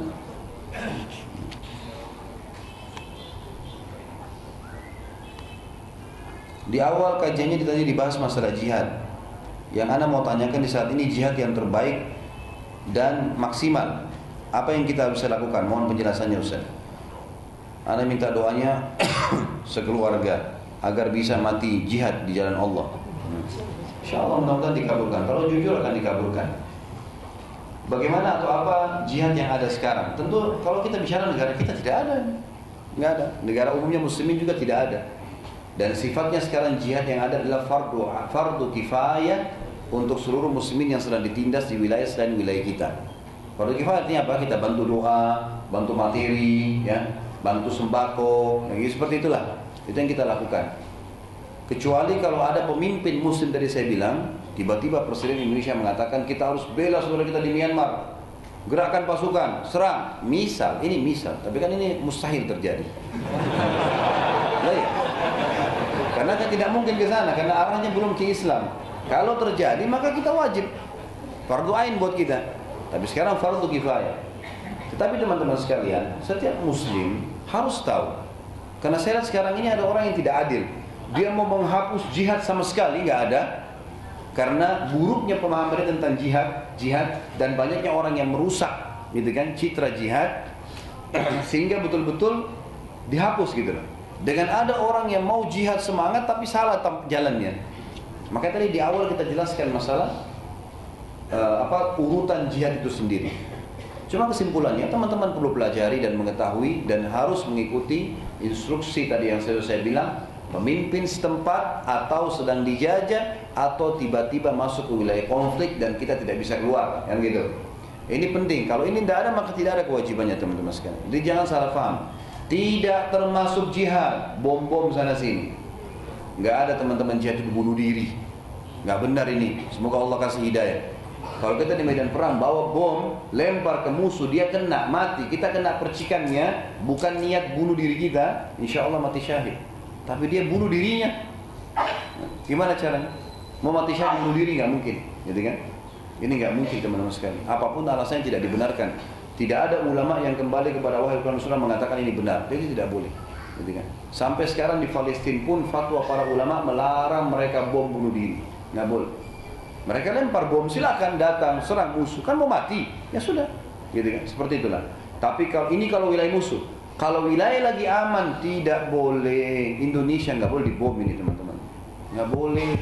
Pemimpin kita Muslim, walaupun ada kekurangannya, kita sudah banyak menerapkan hukum Islam. Antum bisa hadir sebanyak ini di pengajian, bukankah ini hukum Islam? Azan dikumandangkan nggak di Indonesia? Semua bisa dengar. Masya Allah miknya berantem malah. Azan sini, azan sana, azan sini semuanya, gitu kan? Ramadan kita puasa nggak? Pemerintah iklanin nggak? Haji, pergi haji nggak? Baik, pemerintah punya gelombang haji nggak? Subhanallah. Yang kurang adalah pemerintah Indonesia belum terapkan kisos. Pencuri potong tangan. Masa bannya, ban mobilnya kempes, mobilnya dibuang? Hah? Isi angin, jalan mobilnya. Enggak, ini negara Indonesia togut nih, harus dibinasakan. Subhanallah. Segampang itu kan? Gitu kan? Baik dakwahkan Islam kepada mereka. Sampaikan karena Nabi SAW melarang kita memberontak teman-teman dari pemerintah resmi selama tidak melarang kita sholat. Hadisnya itu. Sampai para sahabat mengatakan, yang sudah boleh kami berontak? Kata Nabi SAW akan datang pemimpin nanti yang bodoh setelahku. Mereka tidak ambil sunnahku, tidak mengambil petunjuk dariku. Kata para sahabat, ya Rasulullah, berontak bisa nggak? Kata Nabi nggak boleh. Selama mereka tidak larang kalian sholat. Masjid boleh ditakmir, antum bebas sholat, biarin. Bahkan kata Nabi SAW, Isma'u wa ati'u, patuh dan ikutlah kalian dengan pemimpin kalian. Walaupun yang memimpin kalian budak hitam dari dari Habasyah. Walaupun mereka mengambil harta kalian dan memukul pundak kalian. Karena maslahat patuh lebih besar daripada maslahat memberontak. Ini penting digarisbawahi teman-teman sekalian. Antum tahu sekarang teman-teman di Syria, mereka berharap pada saat itu coba nggak berontak ya. Sekarang ini mereka berharap coba nggak berontak. Betul pemimpinnya zalim, tapi waktu dia masih memimpin, tahu teman-teman negeri Syam sebelum terjadi sekarang masalah ini, pembantaian umat Islam segala macam hancur masjid ini memang kezaliman. Semoga Allah binasakan Bashar itu. Tapi masalahnya teman-teman sekalian, mereka berharap bisa kembali ke kehidupannya dulu. Dulu teman-teman, itu kalau sampai diceritakan di negeri Syam, kalau jalan raya mereka pecah, keluar pohon apel, di pasar mereka teman-teman buah-buahan segala macam. Sampai dikenal Syria itu dikenal tempatnya buah. Manis-manis buahnya enak. Pasar muslimin hidup masjid bisa. Banyak percetakan buku ahli sunnah di negeri di Syria dulu. Banyak. Ini gara-gara segelintir orang. Ini berontak-berontak revolusi ah, ribut masalah. Akhirnya ngamuk mereka buat masalah. Sekarang jadi korban siapa Ahli sunnah wal jamaah. Hancur rumahnya, masjidnya hancur. Semuanya habis nih. Sampai sekarang sudah sampai pada tingkat kezaliman yang luar biasa. Imam masjid ahli sunnah diambil, dibelah dadanya. Ditarik jantungnya masih hidup-hidup. Saya lihat cuplikannya. Naudzubillah. Kenapa ini teman-teman? Gara-gara langkahnya salah ini. Kita bukan bukan mau dipimpin oleh orang yang zalim, bukan. Tapi ada perintah Nabi. Taat pada hal-hal yang ma'ruf, lebih besar masalahnya daripada kita melakukan pemberontakan yang bukan pada tempatnya. Kalau masjid tutup semua nggak boleh, perempuan nggak boleh pakai jilbab, berontak, nggak masalah, gitu kan? Jangan pelintir perkataan saya ini. Jangan lagi di YouTube ada yang datang kalimat berontaknya saja. Nah, ini paling banyak pelintir-pelintir, ahli pelintir sekarang. Disalahgunakan. Ambil cuplikan lengkap jadi jelas, gitu kan? Tapi kalau teman-teman sholat boleh, haji boleh, Ramadan boleh, antum buka usaha bebas, dai-dai nyampaikan semuanya. Subhanallah, nikmat Allah ini jangan hilang loh. Jangan buat masalah loh teman-teman sekalian. Tetap kita berusaha mendakwakan, kita menasihati, kita mendoakan. Bukan mustahil. Kita tinggal selangkah loh ini. Tinggal ada pemimpin yang taat pada Allah, menjadi pemimpin lalu dia terapkan hukum Islam. Tinggal selangkah. Kan gitu. Kenapa kita mau rusak semua ini? Oh ini tagut, perangi, berontak. Ngaco ini semua. Nah, itu. Akhirnya mesti jadi tidak bisa sholat, kita nggak bisa haji, nggak bisa puasa, nggak bisa baca Quran, nggak bisa macam-macam. Ini salah, kan gitu. Jadi memang harus kita pahami teman-teman. Makanya kembali kepada ulama yang benar. Baik ini yang terakhir ya. Saya pernah mendengar kalau malaikat maut mendatangi manusia 70 kali yang dalam ceramah Ustaz Halid dan itu bukankah itu hadis palsu? Ini benar. Saya keliru pada saat itu dan saya sudah meluruskannya. Pada saat itu memang pernah saya sampaikan hadis ini dan hadis ini memang dicap oleh para ulama maudhu. Ini sudah saya luruskan dalam ceramah-ceramah saya yang lain, gitu kan. Itu salah satu tabik akbar itu pertanyaan pada saat itu di sebuah tema dan kita sudah potong juga cuplikannya. Ya jazakallah khair ini diingatkan dan sudah saya luruskan. Dan saya sudah bilang teman, saya manusia biasa. Sangat terbuka ceramah-ceramah saya kalau ada sesuatu yang salah diingatkan. Saya manusia biasa. Dan saya berterima kasih pada teman-teman kalau ada yang mengingatkannya. Dan itu pada saat itu terlintas saja saya menyebutkan. Karena saya pernah menemukan ada ada ada sebagian ulama yang coba menarik hadis ini bukan dari maudhu tapi kepada hadis yang lemah, gitu kan? Dan hanya sekitar penguat. Tapi itu juga sudah saya luruskan. Alhamdulillah hadis itu sudah tidak dipakai lagi dan sudah saya hapus dari ceramah saya di YouTube dan itu adalah sifat awal penuntut ilmu. Kita harus bisa menerima kebenaran kalau memang benar, gitu kan? Itu harus kita belajar teman-teman sekalian. Karena saya juga lagi belajar sebagaimana antum belajar. Allah alam. Baik kita berdoa kepada Allah Subhanahu semoga apa yang kita bahas hari ini bermanfaat buat kita semua dan juga semoga seluruh amal yang pernah kita kerjakan diterima dengan kemahamurahnya sang pencipta Allah selama ajal kita belum datang dan semoga Allah SWT mengganti juga dengan kemahamurahnya semua kesalahan yang pernah kita kerjakan dan kita mendoakan agar seluruh wilayah di Indonesia ini terutama Jakarta diberikan pemimpin yang adil, muslim, kembali kepada Al-Quran dan Sunnah. Dan juga semoga Allah memberikan hidayah Bapak Presiden dan seluruh jajaran pemerintahan kita untuk kembali kepada Islam dan Al-Quran dan Sunnah. Dan semoga Indonesia menjadi contoh bagi negara-negara Islam yang lain. Dan kita mendoakan agar seluruh saudara kita di Palestina, di Syria, di Yaman, di Irak, di Myanmar, di Ahsa, di mana mereka sedang tertindas Semoga Allah ikhlaskan niat mereka, terima para syuhada mereka, mulakan Islam di tangan mereka dan tangan kita semua dan semoga Allah partisipasikan kita bersama mereka di pahala baik dengan doa dan juga dengan jiwa kita. Dan saya yakin Allah dengan Maha melihatnya dan Maha mendengarnya sekarang sedang melihat dan mendengar kita agar menyatukan kita semua di surga firdausnya tanpa hisab mana kita di majlis ilmu yang mulia ini. Kalau benar dari Allah, kalau salah saya mohon dimaafkan. Subhanakallahumma bihamdika, asyhadu an la ilaha illallah, astaghfirullah wa atubu ilaik. Wassalamualaikum warahmatullahi wabarakatuh.